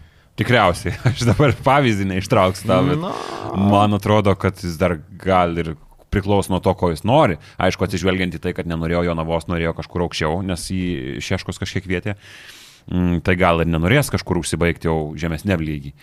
Bet aš manau, kad kodėl jis negalėtų. Dar galėtų. LKL jis tikrai galėtų. LKL mes vėl Aš nepervertiname. manau, kad jisai e, tas žmogus, kur e, supranta, e, nenori daryti tokio, žinai, nenori nueiti per nelik žemai, kaip Lavrinovičiai padarė, kur NKL, Londonai ten. Aš suprantu, tai yra pinigai, Londone pinigus gerus mokėjo, NKL, Vyčiai ten ir panašiai, ten projektas su Skaisgariu, irgi suprantu, viskas ok. Bet tiesiog aš manau, Milaknis kitaip žiūri į tą karjerą ir viskas. Mes ne vieną kartą esam sakę, kad yra žaidėjų, kur e, per ilgai užsibūna, turėtų greičiau baigti karjerą. Tai vat, e, man... Plius skaitėjau tiesiog tingi, gal sakyčiau, profesionaliai žaisti krepšinį. Taip, Ta prasme. Laikytis to grafiko dėl... Galų galia reikia pradėti sąlygų. naują gyvenimo etapą. Nu, Galų gi nesidėsi ant bankės visą gyvenimą. E, Šiomis dienomis yra labai daug podcastų su tikrais ar tariamais ekspertais, kabutėse. Kas anot jūsų Lietuvoje yra patys didžiausi savo srities profesionalai? Kokie turėtų būti kriterijai, kad galėtum save laikyti krepšinio ekspertų specialistų? Ne, tai didžiausi ekspertai tai mes, ne? Nu, tai čia akivaizdu. Bet aš nelabai supratau apie klausimą. E, Kas yra ekspertas, šiaip jau Nu, sutrumpinus tipo, Kas klausimą. anot jūsų Lietuvoje yra didžiausias savo srities iš profesionalai, podcastų. kokie Nu, kriterijai? tai, tarkim, aš galiu iš karto sakyti, tai turbūt yra Benas Matkevičius. Benas. Ar tai yra klausomiausias, nu ne žmogus turbūt. Nu, pikantrolė jis būna irgi, tai jo ten klauso Taip. daug, bet jis turi ir savo nuosavą podcastą, kuris nėra Žinai, man labai šitas yra klausomas. Bet labai jis yra ekspertas. faktas. Geriausias su, su geriausias, tarkim, geriausias podcastas, ar ne? Man čia yra toks, pagal žiūrimumą ir skaičius vertinant, mm, jūs neįsivaizduojat, kiek farų žiūri žmonių. O tarkim, Aš žiūriu farus. Jo, bet tai yra labai dideli reitingai. Ir tavo pagalba. Ir tarkim, kokia nors dėmesio centre laida yra kiek mažiau galbūt žiūrima. Bet ar tai reiškia, kad į- dėmesio centre laida Skirtingas yra, turinys. Visiškai skirtingas turinys, tai Benas lygiai tas pats. Tai jis yra jo, man atrodo, kad specialistų specialistas šitam Man klausime. atrodo, žinai, man atrodo, kriterijai yra kokie. Kriterijai tai, man atrodo, kad kai yra žmonės podcast'e, kai yra, pavyzdžiui, nežinau, mes pasikviečiam dabar čia į studiją, pasikviečiam, nežinau, kokį Rimą Kurtinaitį ir kalbinam apie jo senus laikus viską. Ok. Bet jeigu Rimas Kurtinaitis dalyvauja daily podcast'e, tai jis turėtų labiau kalbėti apie tai, kas vyksta dabar, o ne kas vyko, kaip aš prisimenu, kai aš žaidžiau Madrido realę, ar kai Sabonį kvietė į NBA. Man atrodo, didelis kriterijus yra tai, kad žmogus turėtų pulsą čia ir dabar, domėtųsi dalykais, o nekalbėtų bendrais brožais, kas vyko prieš 20 metų. Man atrodo, čia pirmas dalykas. Tai tarkim, va, tokie dar buvo pavyzdžiai Adomaitis, kuris... Čia buvo super. Super, taip. Ir turbūt Brazys. Ir Brazys super. Purlys dar turbūt galima priskirti. Aš Šuliauskas statau aukščiau. Šuliauskas. Šuliauskas turi labai gerą supratimą. E, Žino, ką reikia pasakyti. Man atrodo, tiem labai ekspertam, kaip, pavyzdžiui, pas mus Algis buvo, jiems žurnalistinė patirtis labai daug leidžia suprasti, ką reikia sakyti ir ko nereikia, kas žmonėms įdomu, kas Tai ne. tas pats Bružas irgi būtų aukštas. Man atrodo, taip, taip, taip. kad Bružas, jeigu būtų likęs šitoje srityje, jis būtų topų, topų, topų. Taip. Nes kai tik Matkevičius, jis net nėra šitoje srityje, nes nu, jis ateina kaip svečias daugiau Taip, ar mažiau, taip. jis nėra pastovus. Ir jam lietuvių kalba trys. nėra pagrindinė. Čia yra Taip, irgi aspektas. Bružas būtų be konkurencijos topas Taip. iš jau to eksperto pusės. Taip. Bružas. Taip. Bet jis šiandien neliko. Nes matai, sakau, Brūžas turi žurnalistinę patirtį ir jisai žino, ką sakyti, kaip sakyti, panašiai, jisai moka kalbėti, žino, ką pasakyti, žinai, daug būna ekspertų, tu gali pasikviesti, nežinau, trenerį kokį nors, nežinau, Šarūną Sakalauską, jisai gerai išneka, ne? Bet jis tau pripasakos daug detalių, kur žmonėm krauna galvas ir tu, tau gal tai nėra labai svarbu. Reikia žinot, ką pasakyti dar. Ne Ir tik man, man labai įdomu, ar š- kuriuo keliu Šuliauskas iš tikrųjų, na, jis tekė su juo kalbėtis, jis pats turbūt tiksliai dar nežino šito, ar jisai liks šitam žurnalistiniam keliui, ar vis dėlto sulauks kažkokio pasiūlymo prie kokio klubo prisijungto, realu, kad sulauks a, dėl savo žinių. Tai va įdomu, ką jis pasirinks. Brūžas mes matom, ką pasirinko. Pasirinko mm, gerą darbą. Taip. krepšinio operacijų direktorius. Tai va, tai sakau, profesionalai, man atrodo, e, pas mus, o ko galima pasidžiaugti, kad podcastuose, nu, jeigu tai paėmus visus podcastus, ne, nu gal aš išskirčiau du žmonės, kurie nėra profesionalai, bet aš tiek to nenoriu nieko įžeisti, bet yra tiesiog keli žmonės, kurie nežiūri rungtinių, nesidomi, jam neįdomu, jie ateina tik tai pasimpinigą, bet tarkim iš tų pagrindinių podcastų, kur ten yra pick and rollas, basket newsai, mes, e, man atrodo, ten savas kiemas, ten, man atrodo, visa Hebra gyvena tuo ir dėl to tai yra geras turinys, nes žmonės čia ir dabar. Ir žinai, tas yra kas yra ekspertas, tai kas yra ekspertas, žurnalistas. Nu, mes nesame ekspertai, nu, mes ką, žurnalistai, mes to gyvename, mes tą darom, bet kartais tie ekspertai, kartais tie žurnalistai geriau pasakys už ekspertus, nes jie mato kitą kampą, jie gal... Tai vad kiek mes išver- išvardijom ekspertų? Tris? Nu, tarkim, Brūžo, Brazį, Šuliauską, Vieną. ne- E, Gecevičių iš tam tikros pusės gali taip, pridėti. taip, bet Gecas jo. labai geras. Tai vad vienetai yra ir iš tų vat, keturių, kurie dabar ką tik paminėti yra, e, žmogus įsirinktų, nu aš pavyzdžiui, kur, kurie man patinka, aš paminėčiau du. Gal. Tai vad jau žiūrėkit, kiek yra Taip. mažai žmonių. Tai mes kalbam apie tai, kas pasiliks, kas nepasiliks. Tai man atrodo, kad smagu būtų kuo daugiau tokių žmonių. dar Ir lab- šiaip man atrodo dar vienas dalykas, kad e, jų daugės. Nes podcastai populiarėja, tie patys krepšininkai mato, kad e, yra sėkmingas reikalas, e, nebūtinai. Ne visi gali tai daryti. Ne visi gali to Toli daryti. gražu. Taip, taip. Bet aš, bet aš manau, kad sėkmingų pavyzdžių daugės. Ir dar labai, va, Edgaras gerą pointą palėtė, tarkim, krepšininkas, buvęs ar treneris, jis gali būti specialistas krepšinio, tarkim, Rimas Kurtinaitis, bet jisai ateis kalbėti, tarkim, LKL, apie LKL, kur nebus žiūrėjęs rungtynių ir kok- kokie bus tie jo teikai, jeigu jis tris mačius matęs e, šių, šių metų LKL. Nu, čia kaip pavyzdys. Taip, taip, taip, taip. Tai fakt, ne, ne visada užtenka tavo kažkokio žinių bagažo, jeigu tu nesi pulsė, jeigu tu nežiūri tos Eurolygos. Nu, tai tarkim, LKL treneris kažkoks, kuris neturi laiko žiūrėti Eurolygos, kai jis apie tą Eurolygą pakalbės. Taip, taip. Bendrom frazėm. Nežinai, man e, čia prie to paties mane šiek tiek supykdė, net e, čia buvo prieš kelias savaitės krepšinio zonai, kur Naitis sako, nuvažiavo į Azerbaidžaną, sako, va, kaip išgražėjo miestus, ką Lietuva padarė per dešimt metų. Trys kolonkės pastatė ir tiltą, čia cituoju. Trys Okay, kolonkės ir tiltą. Nu, blemba, broli. O koks tiltas? Nežinau, nu, ties, jis taip pasakė, trys kolonkės, čia ne, ir ti- tiltą. Nu, tai atsiprašau. Azerbaidžanas prisistatė, o mes, vad, sako, nu tai aš suprantu, čia iš naftos, čia panašiai. Atsiprašau, Lietuva per dešimt metų nieko nepastatė, trys kolonkės ir tiltą. Nežinau, aš labai mėgstu žiūrėti archyvinius video visą laiką, ar tai būtų 90-ieji, ar tai ten 80-ieji, kaip atrodė miestai. Aš šiaip turiu tokį pomėgį ir visada kaip namimuose pasižiūriu ir sakau, e, paskui namie, kad e, blemban kiek Lietuva pasikeitė. Ne? Taip, taip, per faktas. trumpą laiką. Tai kaip, kiek, kiek pasikeitė? Kaunas pasikeitė per pastarosius metus? Tas vat, pasistatė, va, žinai, čia irgi kažkas, a, atsimenu, Filipinuose vyko dabar čempionatas ir kažkoks žurnalistas, ne, neatsimenu kas, bet jisai sufeilino ir aš galiu jį deginti.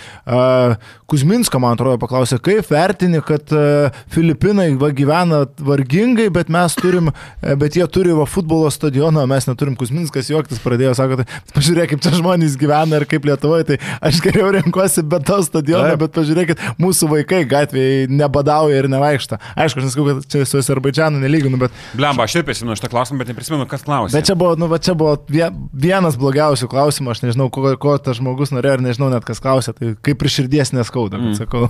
Jo, jo, tai sakau, tai, Tai- man tiesiog pikta, kad e, tikiuosi, kad jis tai Azerbaidžano spaudai nepasakė tokios nesąmonės, nes įsivaizduoju, atvažiuoja lietuvis treneris Azerbaidžane, pareiškia, kad Lietuva per dešimt metų pastatė trys degalinės ir vieną tiltą. Tai tada žmonės paskaitė galvotų, kad mes bananų kraštas. Aišku, Azerbaidžiane šiaip žmonės turbūt gerai gyvena, dabar reikia turi kaip. Nu tai, tai viskas ok, gyvena, negyvena, bet tiesiog, ne, nu blemba, nu čia visiška nesąmonė. Tai kaip per dešimt metų Kaunas pasikeitė, Kurtinaičio mėgstamas, ne, ženkliai, kiek Vilniui prisistatė, kiek netgi kitose miestuose, pavyzdžiui, Panevežys, aš ilgus metus važinėjau Lietkabelį irgi, net tas pats Panevežys pasikeitė per tuos metus, tai apie ką mes Aš kalbam. kaip Nu, sakau, Lietuvoje dabar gyvenk ir norėk ir mažiau skusijos. tai vat. Ar tikite, kad Buselis gali dar šiais metais debutuoti rinktinėje? Sakė, kad Praleidai vieną klausimą. Korija. Kas arogantiškesnis leškas ar, stulga, ar stulgaitas? Tai buvo geri bičiai. Nu. Lemba, aš. Čia čia, ba, čia, yra, čia yra bairis kažkur šitas, nes uh, buvo kažkada prieš trejetą ar dviejatą savaičių aš komentavau su Lekšo Euro lyga ir aš gaunu uh, žinutę, ar jaučiasi Lekšo, ar, labai jaučiasi Lekšo arogancija. Ten, e, ten Nepažįstamo ten žinutė. Vaitekūnas kažkaip užvysi šitą. Tiškė, man atrodo, čia su kažko arogancija. Nes aš to negirdėjau tai. ir man tada parašė vienas žmogus, kau, ar jaučiasi Lekšo organizacija, uh, Ar- arogancija. arogancija. Ir dabar aš klausimus varčiau ir šitą pastebėjau. Kad, kad mane šitam kontekste mini, tai aš labai gerai žinau. Bet Lekšas man naujiena buvo. Šiaip tai aš prisimenu mūsų pažinti, pir, pirmus podcastus. Ir nublemba, aš irgi galvoju, kad Stalgaitis biškiai arogantiškas ir pasikėlęs. Paskui, kai pradedi pažinti, tada supranti, kad čia gal kažkiek netikras Aš turiu, aš, įvaizdis. turiu, aš turiu tą urodo, man atrodo. Taip, taip, aš atsimenu, viena iš pirmų mūsų laida, mes ten kažkas stojom, šnekam ten kažkokį bairį apie Kauno karštą vandenį, nu, aš taip žiūriu, ką čia Portugalas klėdi galvoju. Ir- Bet paskui normaliai. Bet klausyk, tu pasakai tau rodo veidą, o žinai kaip moteris vadinamas tas veidas, kur toks bitch face. Bičiais. Jo, jo, Ane? kur, kur tokios atsit, kur atrodo, kad tokios visiškos, tokios pasikėlusios tokios, žinai. Pas mane gal ta žiūrėsena yra, kur aš, aš žiauriai daug kartų girdėjau šitą dalyką, kad, bet kažkaip žmonės vis, e, sakau, kažkada buvo, kur aš einu uh, vienoje parduotuvėje ir turiu rankoje ten uh, šyk popierį, tada turiu rankoje ten daržovių, kažkokių trišūdno maisto rankoje ir ateina žmogus, uh, sako, blemba, geras podcastas, o man taip gėda, kad aš nesu ten krevetėm kokio. tai nežinau. Tai arogantiškas. Jo, man nėra, man kažkaip neskauda, kai žmonės pasako. Tai gerai, buzelis rinktiniai debutuos šiemet ar ne? Ne, Sakė Maksvytis, kad jeigu norės, šiemet aš abejoju, nes birža laukia ir panašiai. Man atrodo, čia buvo tokia labai maloni kalba tarp trenerio, galimo ateities trenerio ir galimo rinktinio žaidėjo, bet šį metą aš labai abejoju.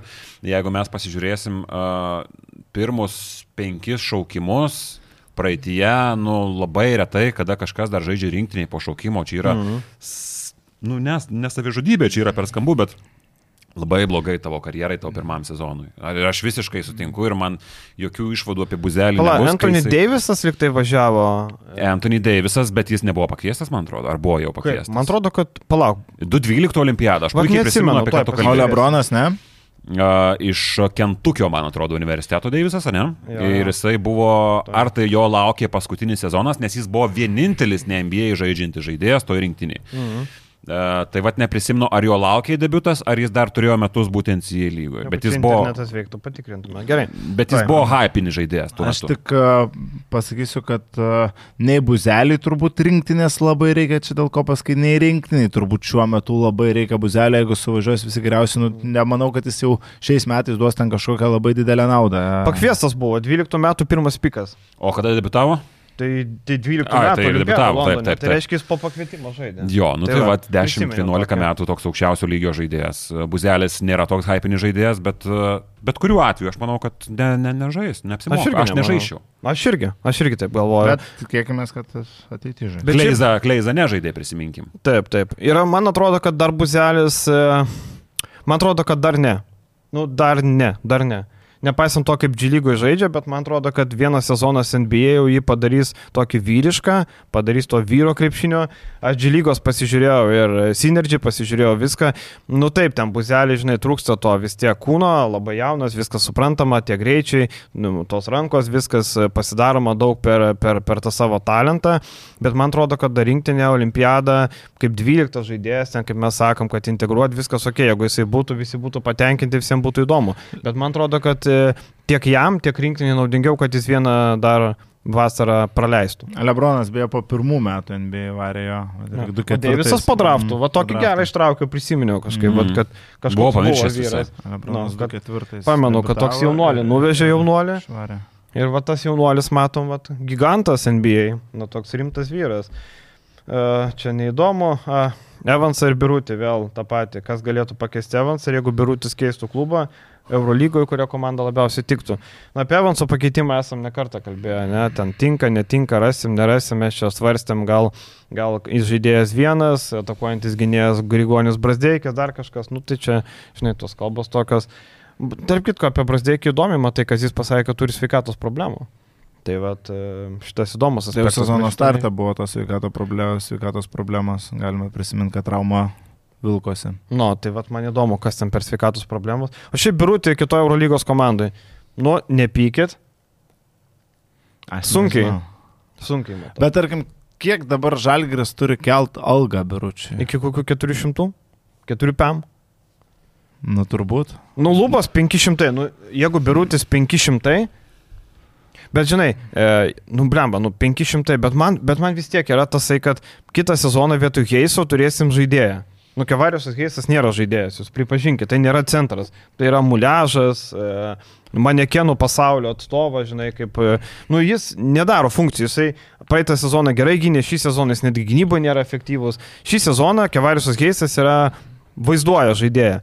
Tai jeigu vietoj Heiso nusipirks normalų centrą, biručių minutės mažės tikrai, nes su naujų centru gal Svičuola galės žaisti ir panašiai. Birutis labai geras, manau, bus rolės žaidėjas pas trinkierį. Nu, toks ne tai, kad rolės, bet tiesiog rotacinis centras. Bent jau aš taip galvoju. Mhm. Kitaip tariant, jis Birutis e, pas trinkierį dabar žaidžia tiek daug, e, ne tiek gal kiek pats geras yra Birutis, kiek e, Andrėjai jį paverčia geru ir jį turi vers geru iš bėdos, kadangi... Tai kas jis iš tą patį daugiau. darė irgi. Tavo išvada yra tokia, kad Birutis negalėtų žaisti sėkmingai niekur kitur nei žalgiai. Ne, aš manau, kad jisai, nu žinai, aš dabar neįsivaizduoju biručio, nežinau, nu paimkim vidutinę Valenciją.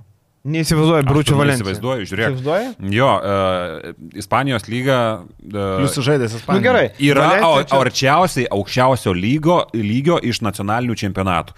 Ir jis ten žaidė labai neblogai. Tai aš manau, kad kokioj Valencijoje ar kokioj Vitorijoje antrų centrų, a, čia mes kalbam tik tai apie Ispanijos komandas ir tik tai apie Eurolygos komandas. Mes nelieskim Barsos Realo, bet Valencijoje ar Baskonijoje, nu, aš pilnai matau. Nu gerai, tarkim, okei, okay, Valencija, Baskonė nesižaidęs Ispanijoje, nu tebūnė, bet aš daugiau, nu, nežinau, Asvelis, Berlynas, man nei viena šitų komandų, jam būtų Nu, per žinai, prastai. Panathinaikosas Balcerovskį pasiemė. Bet Balcerovskis metantis. Balcerovskis kylantis dar žaidėjas. Nu, Ir jis taip. metantis, ir jo agentas yra Miško Ražnatovičius. Tai čia yra du aspektai, kodėl jis yra Panatnaikose. Čia ne vien tik tai, žinai, tai aš tai sakau, Birutis e, parodė, kad yra geras Eurolygos žaidėjas, kai jį moka išnaudoti, super, džiaugiuosi dėl jo, mes visi čia sakėm, kad čia toks, anoks, džiaugiuosi dėl jo, bet aš tik sakau, kad kai Žalgeris turės dar vieną centrą, Birutis nebeturės tiek pasitikėjimo ir tiek minučių. Tai kitaip tariant, geriausias variantas visom pusėm yra 400, tarkim, tūkstančių. Taip, stalo. Birutis lieka žalgerį, pasimam dar vieną centriuką Taip. normalų ir judam pirmin, laimingas Birutis, laimingas žalgeris, laimingas Edgaras Laimingas vyras, laiminga žmona. Ne? tai va, tai. Bet žinai, tai va, tai jo. Tik tai žinai, vietoj Kevarius reikia nupirkti žaidėją, nu kaip be būtų. Ir vad Kevarius aš nebematau Eurolygo jokioj komandai. Manau, čia pritarsiu. Turkija, Turkija, Petkim sporas. Poras arba Bešiktaš pas Olimpijavičių atgal, žinai. Jo, neturiu ką pasakyti, nes viskas paminėta teisingai. Tos, tos pačios sumos, tik tai va dėl karjeros krypties norėjau papildyti, nes man atrodo, kad e, reali kažkokia kita komanda Euro, Europoje. Ypatingai Ispanijoje, bet ne tik Ispanijoje. Tai, tai tik tiek. Tai tikimės, kad saugos Birutį, mes už Birutį, Birutis maladėts, atsiprašom, ką sakėm blogo apie Tai Birutį. mes, nu, gal kažkiek ir... Nu, atsiprašyk, jo, Tu tai, tu tai daug sakai, mes gal netiek su Vilium. tai tu ir atsiprašyk, tu už, už mus visus tris. Jo. Kokia jūsų nuomonė dėl e, galimų o, lažybų reklamų uždraudimo? Nu, tai šitas užsivyrino po to, kaip vienas ponas e, pralošė pinigų. E, Neaišku, kiek jų pralošė, kiek išplovė, kiek e, panaudojo dar kitur. Bet šiaip man labiausiai nepatinka tai, kad e, Lietuva, aš, ne, aš čia ne apie draudimus, aš apskritai, kad Lietuvoje viskas yra bandoma daryti per draudimus. Jeigu pas mus geria, trumpinkim gerimo alkoholio pardavimo laiką. Jeigu pas mus viršyje greitį, sudėkime visur vidutinio greičio matuoklius, radarus, sustatykim policininkus, kad visi taip. Vakaruose daroma viskas per mokymą, švietimą, per edukaciją. Nevirši greičio, negerk, nerūkyk, nelošk. Pas mus apie lošimus esu matęs vienintelę reklamą, kur sėdi šeima ir vyras valgo, vyras, žmona ir vaikas valgo ir vyras mato lošimo stalą. Bet Tai yra- labai, labai paveiki reklama. Ir labai gera Nu, reklama. Taip, taip, reklama. Tai sakau, aš mačiau tą vienintelę reklamą. Kiek šiais laikais žmonių žiūri televiziją, ir tai yra gerokai mažiau. Kiek žmonių, jeigu žiūri, tai prasuka reklamas, ne? kas yra šio laikinis e, jau standartas, yra turėti televiziją, kad galėtum atsisukti. Tai daugiau švietimo, daugiau to tokio, kaip, kaip vat, e, kad galėtų žmonės anoniminiai lošiai ir panašiai. Kaip dabar labai gerai su vidutinio greičio matuoklis buvo. Pristatė matuoklių, kodėl pastatė avaringas ruožas, pakelia statistiką, per dviejus metus viena avarija ir ta viena avarija buvo, kai vienas važiavo su į kairę, kitas tiesiai nepraleido. Ne dėl greičio, ne dėl nieko. Tada kila šaršalas, tada blemba nuimamės tuos vidutinio greičio matuoklius, nes iš tikrųjų nesąmonė.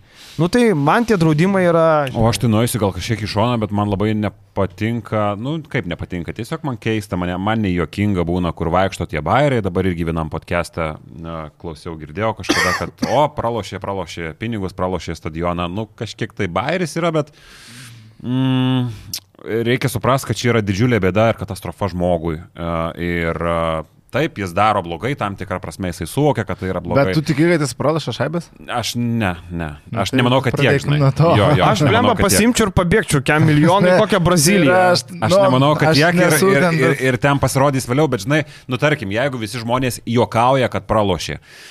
Nu, tai reikia suprasti, kad žmogus sveikų protų, jeigu būtų pralošęs, nu, okei, okay, 10 milijonų, kad jis sveikų savo protų jis to nedarytų, nepadarytų. Tai reiškia, kad jisai yra, nu, apakintas tam tikros psichologinės lygos, sakykim taip. Ir tai yra... Ir ne dėl to, kad reklamą pamatė. Ir, jo, ir tai yra rimtas dalykas. Ir man iš to žvengti kažkaip, nežinau, nežinau. Aš sakau, irgi visų pirma, pradėkim sudėti saugiklius kažkokius sistemoje. Pirmas dalykas, jeigu žmogus gali pralošti 10 Dėmesio centre milijonų, laida. Tai čia yra absurdas. Ta prasme, kad jis gali įsinešinėti tokias sąskaitas iš kur. Aš e, būtą bandysiu nusipirkti e, trečią, aš pas mane VMI prisistatys, iš kur pas mane šaibas trečiam būtų. Čia 10 milijonų žmogus gali įsinešti savo bankinį banko, į savo lažybų akantą. Kas Lietuvoje gali 10 milijonų pralašinėti žemelės? Žinau vieną žmogų. Nu, tai žemelės, nebent, bet ne žemelės lik pralašė. E, kitas momentas, nu, ir kaip Edgaras ir sakė, vėl mes einam per precedentą. Mums reikėjo kažkokios vienos situacijos ir tada jau visi pasidaro pas mus ekspertai. Visi jau viską žino apie lažybas. Man geriausias pavyzdys buvo, kai Skirmantas Malinauskas darė video ir Malinauskas atsisėdęs 30 minučių pasakoja elementarius dalykus ir visi kraipo galvo, kad čia rimtai, taip. Yra, žaidžia dvi komandos, abiejų jų koeficientas yra po 1,9 ir iš to, žinokit, gyvena lažybų kontoros. Taip, laba diena, čia jūs rimtai to nežinojot, arba kazino įsivaizduokit darosi pelną iš to, kad yra nulis. Yra raudona, juoda, bet dar yra nulis. Ir jis 40 minučių tokius, aš galvoju, va čia Malinauskas bus padaręs rimtą tyrimą, kaip veikia dar kažkas. Ir tokius dalykus aiškina. Ir čia man tarsi parodymas, kad ar pas mus rimtai žmonės neturi visiškai finansinio raštingumo ir neturi supratimo, kaip tai veikia. O ne, manau, Jeigu tai yra naujovė, žmonių, kažkokia. kuriam reikia pasakyti, kad e, A yra A, o B yra B. Nu, tai gerai, tai va būtent gal tam ir esmė, kad pradėkim tada sakyti A ir B, nes jeigu žmonės nesupranta tokių dalykų, kad taip yra dvi žaidžio komandos ir jų koeficientas yra po 1,9 ir kad lažybų kontora gyvena iš to 0,1, nu tai tau gyvenime labai sunku. Tu, aš nežinau, kaip tu mokesčius Tai manau, tas žmogus, kuris labai daug lošia, labai daug e, stato pinigų ir panašiai. Jis Tai... labai gerai žino visą tą. Jo, bet jam reikia, aš manau, kad dar kartą, kad kažkas pasakytų, kad iš tavęs pelnosi, kad tavo pinigai iš esmės eina tau iš kišenės, o ne į kišenę. Tai aš, negir, nežinau, aš tik iš tavęs dabar girdžiu, ką, ką jis ten darė, nes aš nežiūrėjau to video, bet man atrodo, kad kartais, nu, reikia pasakyti, kad juoda yra. Jo, juoda. tai čia viskas vargai, tai mane tas tik ir nustebino, kad ant tiek, ta prasme, negiau, aš negalvoju, kad žmonės tiek, tipo, nes nesupranta šitos situacijos. O dėl reklamų, apie ką čia ir buvo klausimas, tai man, aš norėčiau, kad tai spręstų ne diletantai, o suprantantis realią situaciją. Dabar žiūrėkit, a, pas mus va čia yra 7 bet užrašas, ne? Mums, tarkim, jo neleistų uždėti, o žais Madrido Realo futbolo klubas, pas juos ant marškinėlių bus kitos lažybų kontoros užsienietiškos užrašas, tai ką mes nebegalėsime. Atsimeni, kažkada buvo Lietuvoje absurdas su e, alkoholio taip. atsimenat, Tai buvo ko, korpo- kodėl tą cirkas. logotipą galės rodyti, o šito negalės? Tai man šitus dalykus kažkas tegul pirmą išaiškina, sudėlioja protingai, kiek va šita va, reklama prisideda prie to, kad žmonės pralošia pinigus ir taip toliau. Tada, okei, okay, aš priimsiu visą šitą informaciją. Aš sutinku, kad a, galbūt problemų su prasilošusiais žmonėmis Lietuvoje yra gana nemažai, tačiau tai reikia visų pirma spręsti per a, užsiblokavimus, nes dabar užsiblokavimai neveikia, žmogus užsiblokavęs. A, gali toliau sėkmingai lošti ir yra entų pavyzdžių. Aurelius Bezakavičius a, kalbėjo laidoje ir postą, man atrodo, rašė, Minnesotos programai yra keliolika vietų per visą Lietuvą lošėjams. Tai ir jeigu yra... Čia Timberwolves? Ne, Timber. Jeigu yra tūkstančiai žmonių, kurie turi problemas, tai suteikim jiems pagalbą, sukurkim sistemą, sukurkim, a, kaip tai žmonės reabilituot, kalbėkim, švieskim, o draudimais, nu tai viską visada paprasčiausia, va, pralošė bičias kazinkai 20 lemų, uždrauskim visas reklamas, viską nafik uždrauskim, iš kur paimti sportui pinigus, kuriuos, kuriuos jie ima 10 metų, sistemos nuo jos neįveskim, paguščiokim pečiais ir apsimeskim, kad problema išspręsta. Ir dar, žinai, pridėkim, labai gerai Martinas Purlys vakar paskestą rimku pasakė, kad e, uždrauskim viską ir būkim Vatikanas. Mat labai gerai pasakė Martinas, e, būtent e, didžiausios pasaulio lyg- lygos, didžiausios prancūzam gerai, e, britam gerai, ispanam gerai, italam gerai, visiems betai gerai, o mes vat uždarom, nes pas mus vat kažkoks idiotas pralošė 30 milijonų. Ir mes vat būnam Vatikanu, žinai. Tai va tik tai, tik tai apie tai, žinai. Ir O ten žinai, kad klubai, taip, ten, pavyzdžiui, žinai, žiūrint LKL, ten tie lažybininkų indėlis yra taip, ten vienam šimtą duoda, kitam šimtą pem, kitam pem, kitam aštuom, LKL nemažai duoda, taip. Ar kažkas gali pakeisti tuos? Taip gali. Didžiausi reklamų pirkėjai yra telekomunikacijos, e, prekybcentriai, vaistinės. Tai yra top 3 reklamų pirkėjai portaluose, visur, radijoje ir panašiai. Tai galbūt jie pakeistų, tai nėra, žinai, šventa vieta tuščia nebūna, bet tik reikia atkreipdėmėsi, kad turbūt lažybininkai geriausiai moka, nes nėra nei vieno Lietuvoje podcast'o, kurio neremtų lažybas. Prisiminkit nors vieną podcastą apie futbolą, apie krepšinį. Nes tai yra labai tikslinė auditorija, reikia. ir Taip, ir suprasti. jie moka solidžiai, nes akivaizdu, kad turbūt yra ir kitų norinčių, bet lažybininkas turbūt daugiau sumoka. Tai yra tik tai apie tai. Ir jeigu mes šnekėjom čia, jeigu lažybos būtų uždraustos, nu, mano nuomonė asmeninė, labai stipriai padaugėtų mokamo turinio, nes jeigu nebus kas remia, kas sumoka už tą turinį, tai mokės galų Useris. Prasme, jei arba to turinio neliks, nes neapsimokės jo daryti, arba turės. Nes reikia, Susimokėt. reikia suprasti, turbūt čia tu palėti temą, reikia suprasti tai, kad, e, tarkim, mes, e, šita studija nėra mūsų. Mes turim susimokėti už filmavimą, e, už studiją, už viską. Tai yra, kiekvienas podcastas kainuoja pinigą. Ir tai nėra 50 eurų, ir tai nėra 100 eurų, ir nėra 200 eurų. Tai akivaizdu, kad kiekvienas podcastas kainuoja. e, Ar kai- tai yra 300 eurų? Gerai. Tai va, tai akivaizdu, kaip taučius sako, tada kažkas kitas susimokės. Tai klubai praradę pinigus, nusipirks mažiau geresnių žaidėjų, gal pabrangis bilietus, gal, pavyzdžiui, Lietkabelis pabrangis bilietus ir tas panevežėtis turės susimokėti, arba tas, nežinau, arba LKL e, turės mažiau kažkokių irgi gerų dalykų, mažesnis prizinis fondas bus nėra, e, bet seifo. Čia yra ratas Bet va, tas ir yra, kad mes įsivaizduojam, kad mes gyvenam kažkokiam mažam burbuliukė ir aplinkui nieko nėra. Tai užsien, žaisim su užsienio klubu, ant jų marškinėlių galės būti, o jau tarptautinės kompanijos užrašas. Ant Power. Olė abiejų yra lažybininkų reklamos. Bu, taip, nu tai, tai kaip tu gali išspręsti problemą tokią Pas lokaliai? vienus vienas, pas kitus. Jo, okei, nu. Big Winas suprantu. va, pas Olimpiakos. Įdomu, kiek reklama apskritai veikia lošėją. Reklama pati. Nu, vat, jo, turbūt, nes, pavyzdžiui, nežinau, aš e, lažybininkų reklamas matau dažnai, bet pats nelošiu. Alkoholio reklamą nematau, bet, Išgirsti. nu, Trukteli. nu, bet taip, Yra buvę. kartais. Tai va, tai e, mane tai veikia reklama. Nors alkoholio reklamos nėra. Tai va, tai e, dar vienas buvo įdomus klausimas, ar buvo, kad nors jūsų portalą kreipėsis koks klubas, prašydamas rašyti teigiamas antraštės ar straipsnius susijusius su klubu ir už tai siūlydamas atlygį. Nu, atlygių niekas nesiūlė, gaila, juokaujant, žinai. Pakeistų lažybų bendrovės. E, žinai, jo. Bet jo, e, šitą e, rubriką remia Sibetas. E, Nerašykit blogai apie Sibetą. Si- Sibetas per plauką pralaimėjo Bakčišikir komandai. Tai iš eilės. 40 taškų pralošė, neatsilaikė prieš Bakčišikir. Arba e, Jonavos pralaimėjimų serija tęsiasi. Pralaimėjo tik 15 kartą išėlės. Na, ne va tokia. Bet šiaip buvo klubų, e, buvo, čia gal ne tai, kad klubo kai kurių žmonių jų klube ambicijos norinčių, e, vat, vat, Vat palaukit, jūs TV3, ne čia, rodot mūsų rungtynės, gal čia kažkada rodyt, gal neberodo, tai kodėl čia jūs taip, panaip. Nu, žodžiu, visai, kai ieškoma tokių aplinkelių. Visai, kai nieks tiesiai neskambina man, nesako, klausyk, Kasilė galėjo antraštę pakeisti. Nu, taip nebūna, žinai. Bet buvo žmonių, kurie norėdavo kažkokiu apėjimų, bet visai, kas sulaukdavo e, atsakymo, kad senė, tu neturi įtakos, kai nusipirksi portalą, tada galėsi kalbėti. Kol portalo nenusipirkai, tol man nediktuok. Ir viskas, labai paprastai. Netgi vienam dideliam funkcionieriui, jis man ten kažkada, jūs čia rašot, sakau, klausykit, sakau, jūs e, kaip šinis net nusipirkot, sako, ne, tai sakau, jūs man čia aiškinat. Bet ir baigėsi mūsų pokalbis. Man kažkada yra buvę ne su krepšiniu, bet yra buvę su autosportu visai neseniai, prieš pusantrų metų gal, nu taip atrodo neseniai, kur man siūlė pinigų už tai, kad parodyčiau reportažą. Tai žinios. Okay. O. Mm, bet Man, nu pabaig. nepaėmiau tiesiog. Nepa, nepa. Man dabar va prisiminiau buvo, kad beveik grasino komentuojant. Nu, bet čia toks, žinai, aš pirmą kartą gyvenime komentavau futbolą, čia buvo kiek metų atgal, labai daug. Pirma lyga Jonavoje žaidžia legendinis Kauno Stumbras su Jonava. Ir Stumbras niekarto dar nebuvo pralaimėjęs tose rungtynėse, tam čempionate. Po pirmo kelnio Stumbras gaudinėja 0-1, prie manęs prieina vienas labai gerai žinomas žmogus. Sako, man čia biški žmonės rašo, kad tu čia labai džiaugiesi to Jonavos pergalę, sako, gal tu mažiau biški gali džiaugtis. Sako, tau čia labai džiugu. Tai biški, biški to džiaugsmo, sako, tu mažiau.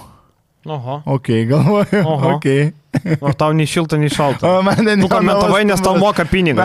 Ne, šiaip buvo šalta, iš tikrųjų. Bet Nes... e, į, įvariai kelnes biški. Biški teptelėjau, ir įsivaizduok, pirmą kartą futbolą komentavau. Sėdė ant tos fanieros, ten tos Ir jau kaip ir, norisi, kad tas stumbras išlygintų, tai ačiū Dievui, stumbras įmušė, padarė vienas vienas, ramiai baigėsi. Ir tu. Maikė nusirengė. Galėjau, galėjau ramiai iš Jonavos grįžti į Kauną, niekas manęs. O sakė, kad tu nuo vaikystės su stumbra. Aš manau, kad tu ten taip palėjai pradėjai, žinok. Aš manau, kad tu ten. Reiktų įrašą atsisuk, bet gal ne. Tai gerai, kad e, nebuvo kitas veikėjas, kur... Bet tau grasino tam tikrą Nu, tai- prasme. tai nebuvo Marius tok- Kiltinavičius klausyk. Pasakyk, pasakyk į eterį, kad buvo. Tai Ma- Marijos Kiltinavičiaus žodžiuose grasinimo gaidelės buvo gerokai mažiau Jo, negu. bet. Ar Žalgiriui patekus į krintamasias nusibrauktų visą Jankūnų įsakytą kritiką, ar visgi taip ir liktų silpnas džiemas jūsų akise? Turbūt, e, ką žinau, turbūt galėtume tada sakyti, kad va kaip gerai, kad e, pakeitė kazę, ne, bet visai, kad turbūt vėl liksim, jeigu nepateks, dar labiau bus naratyvas, kad per vėlai pakeitė, nes atsimenam, kad tai buvo dviej, dviem savaitėm vėliau negu turėjo būti, bet vis tiek tai nenubrauks tos konferencijos ir to cirko padarytų, kad ir ką be padarys. Tai įsi- įsimins ilgam kaip toks didelis įvykis. Oi, man tai kažkaip, aš vis matau komentarus, kad per vėlai, per vėlai nuėmė kazį ir panašiai. Man atrodo, kad nuėmė pačiu laiku. Nes uh, dabar jo, kai tu žiūri rezultatus, gali sakyti, kad per vėlai nuimtas treneris. Jeigu būtume nuėmę dar anksčiau, būtų buvę dar geriau. Bet uh, tu negali pamiršti, kad uh, Negali. pagrindinis dalykas yra biznis, rezultatai ir laimėjimai ir titulai. Tai čia pagrindinis dalykas. Jų nebuvo. Bet šalia to dar yra kažkoks žmogiškas ryšys ir profesionalumas treneriui, kuris pernai pasiekė labai daug. Ir tu turėjai suteikti kažkokį kreditą ilgiau nei suteiktum įprastam treneriui. Tas ir nutiko, vėliau nepaėjo, pakeitai trenerį. Ir viskas nutiko tada, kada nutiko. Ir kitaip ir būti negalėjo, man atrodo. E, Ar silpnas žiemas, aš manau, kad labiau žalias žiemas ir čia ne kiek apie komandos spalvą, kiek apie patirties būseną. Mes matom tą situaciją su naujokais, kuri čia va buvo dalykas, kuris labai gaišino žalgyrį. Taip, visi pasirašymai, visos problemos buvo tiems sakantiem, kad reikėjo kazį anksčiau nuimti, tai prieš sezoną reikėjo nuimti, Andrėjo buvo laisvas. Visi, kas žinojo, kas, e, kas matė, jog viskas su kaziu nurašyta, kad Andrėja čia ateis prikels, nu tai šaunuoliai, sveikinu, jūs esate ekspertai, aš to nemačiau.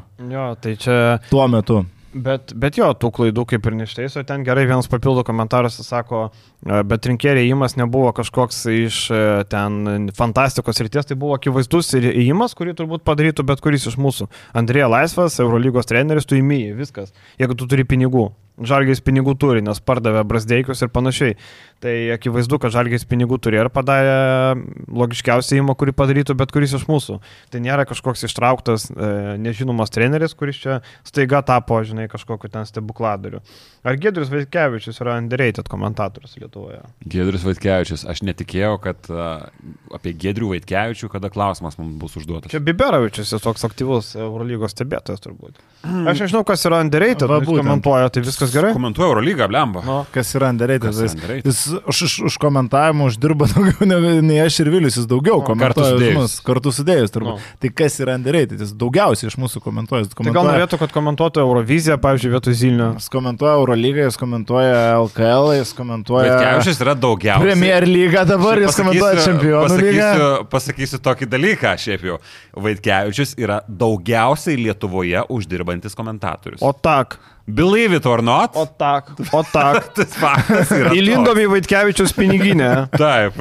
Tai jeigu kažkam reikės man- šaibų pasiskolinti, galite rašyti Gedrius Vaitkevičius. Lemba, aš antrą savaitę iš eilės gausiu žmonių spragilų už tai, ką aš neku patkestuose. Bet jis Ne, uždirbantis daugiausiai, daugiausiai, komentuoja. Daugiausiai tai va tas underrated. Čia kaip, žinai, tas, kuris bobutė, kuri parduoda daugiausiai bulvių turgui, jinai daugiausiai uždirba iš visų bulvių pardavėjų, nes ji parduoda daugiausiai bulvių. Tu žinai sportą, kurio Gedrelis dar nekomentuoja. Po vandinių šaškių. Nes netransliuojam, bet jeigu transliuotumėm, Bet Gedreliui olimpinės yra visiškai žydėjimo laikas. Oi. Ten labai trūksta komentatorių. Kai sąskaitą išrašo tave trim už galvos susijima kontorą. Sako, e, negali tiek pervesti, reikia važiuoti į banką patvirtinti, kad iš tikrųjų tu nori tiek pervesti. Man kaip bičias labai patinka Gedrelis. Geras vyras. Su juo labai smagu, toks ramus visą laiką, turi ką pasakyti, jisai išdėstė savo tuo ramių tonų dalykus, tai su juo kažkaip. Tai dėl to ir komentuoja daug skirtingų sportų, nes visose tose sportuose jis nesu. Gerai pasiruošė. Taip. Na, labai darbštus vyras. Komentuoti ir futbolą, ir kovinį sportą, ir krepšinį, ir...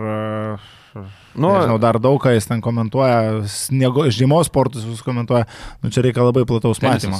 Tenisas tas pats. Čia reikia pasakyti žmonėms, reikia jeigu laiko. uždirbti, reikia dirbti. Tai vad Gedrius yra pavyzdys, kad norint uždirbti, reikia dirbti, o ne, žinai, nusikrapštyti. Paskutinis klausimas. Ir va dar pabaigantis vienas iš nedaugelių, kuris be komentavimų daugiau nieko nedaro. Tai yra kas? Jis, Rycha. e, Rycha, Mm, Maksas Vojvodnas, man atrodo. Kesminas anksčiau. O Maksas jokioje federacijoje nedirba? Ne. Anksčiau lengvosios atletikos kažką. A, gal, gal ir ne, ne, nedirbo lengvosios atletikos. Bet tai yra čia vienetai. viskas Gal. Visi kažkur kažkokiu Nu, tai. Čiaponis gali, ar gali skaityti Čiaponis, kad... kad... Nu, va Čiapas turbūt per, per brūkšnelį tam pat. Nu, bet bet, jis dar podcastus dar daro, protmušius. Taip, bet rytis irgi podcastus. Jo, blemba, čia. Nu, iš komentavimo vienintelis Gedrius. Iš koment... Nu, Maksas. Jo, Maksas. nu, ir rytis, tai drąsiai galima sakyti. Bet podcastus irgi sėdi. Okay. Tai va, tai... Nu, Tai Gedrius irgi tu- šitam Gedriu buvo tas 3 nuo lentos. tai Nu jo, darė, tai- Nu, tai žodžiu. ne. Okay. Uh, paskutinis. Ar perkelų žalgerio fanus į apačią bus jų dar daugiau? Tai čia viena iš tų idėjų, tu gal galėsi pasakyti daugiau, bet aš kaip suprantu, čia ir yra pagrindinė ta idėja. Tai viena daugiau. iš, viena iš pagrindinių idėjų, nes į tą seną sektorių jie tiesiog nebetilpdavo, ta prasme jau abonementų būdavo šiais metais, kiek žinau, išpirktas praktiškai visas sektorius, ten lieka, lieka gal keliasdešimt vietų, į šoninius sektorius tu plėstis negali, nes ten išpirkta abonementai ir tiesiog, nu, tai nėra paskirta aktyvių fanų sektoriams ir ten žmogus nusipirkęs abonementą nesutiks, kad šalia jo atsistotų, žinai, žmogus ir a, pradėtų balėjant. Tai Žalgrio fanai buvo įsprausti į tuos rėmus, ten nežinau, kiek 250 vietų tam senam sektoriui buvo.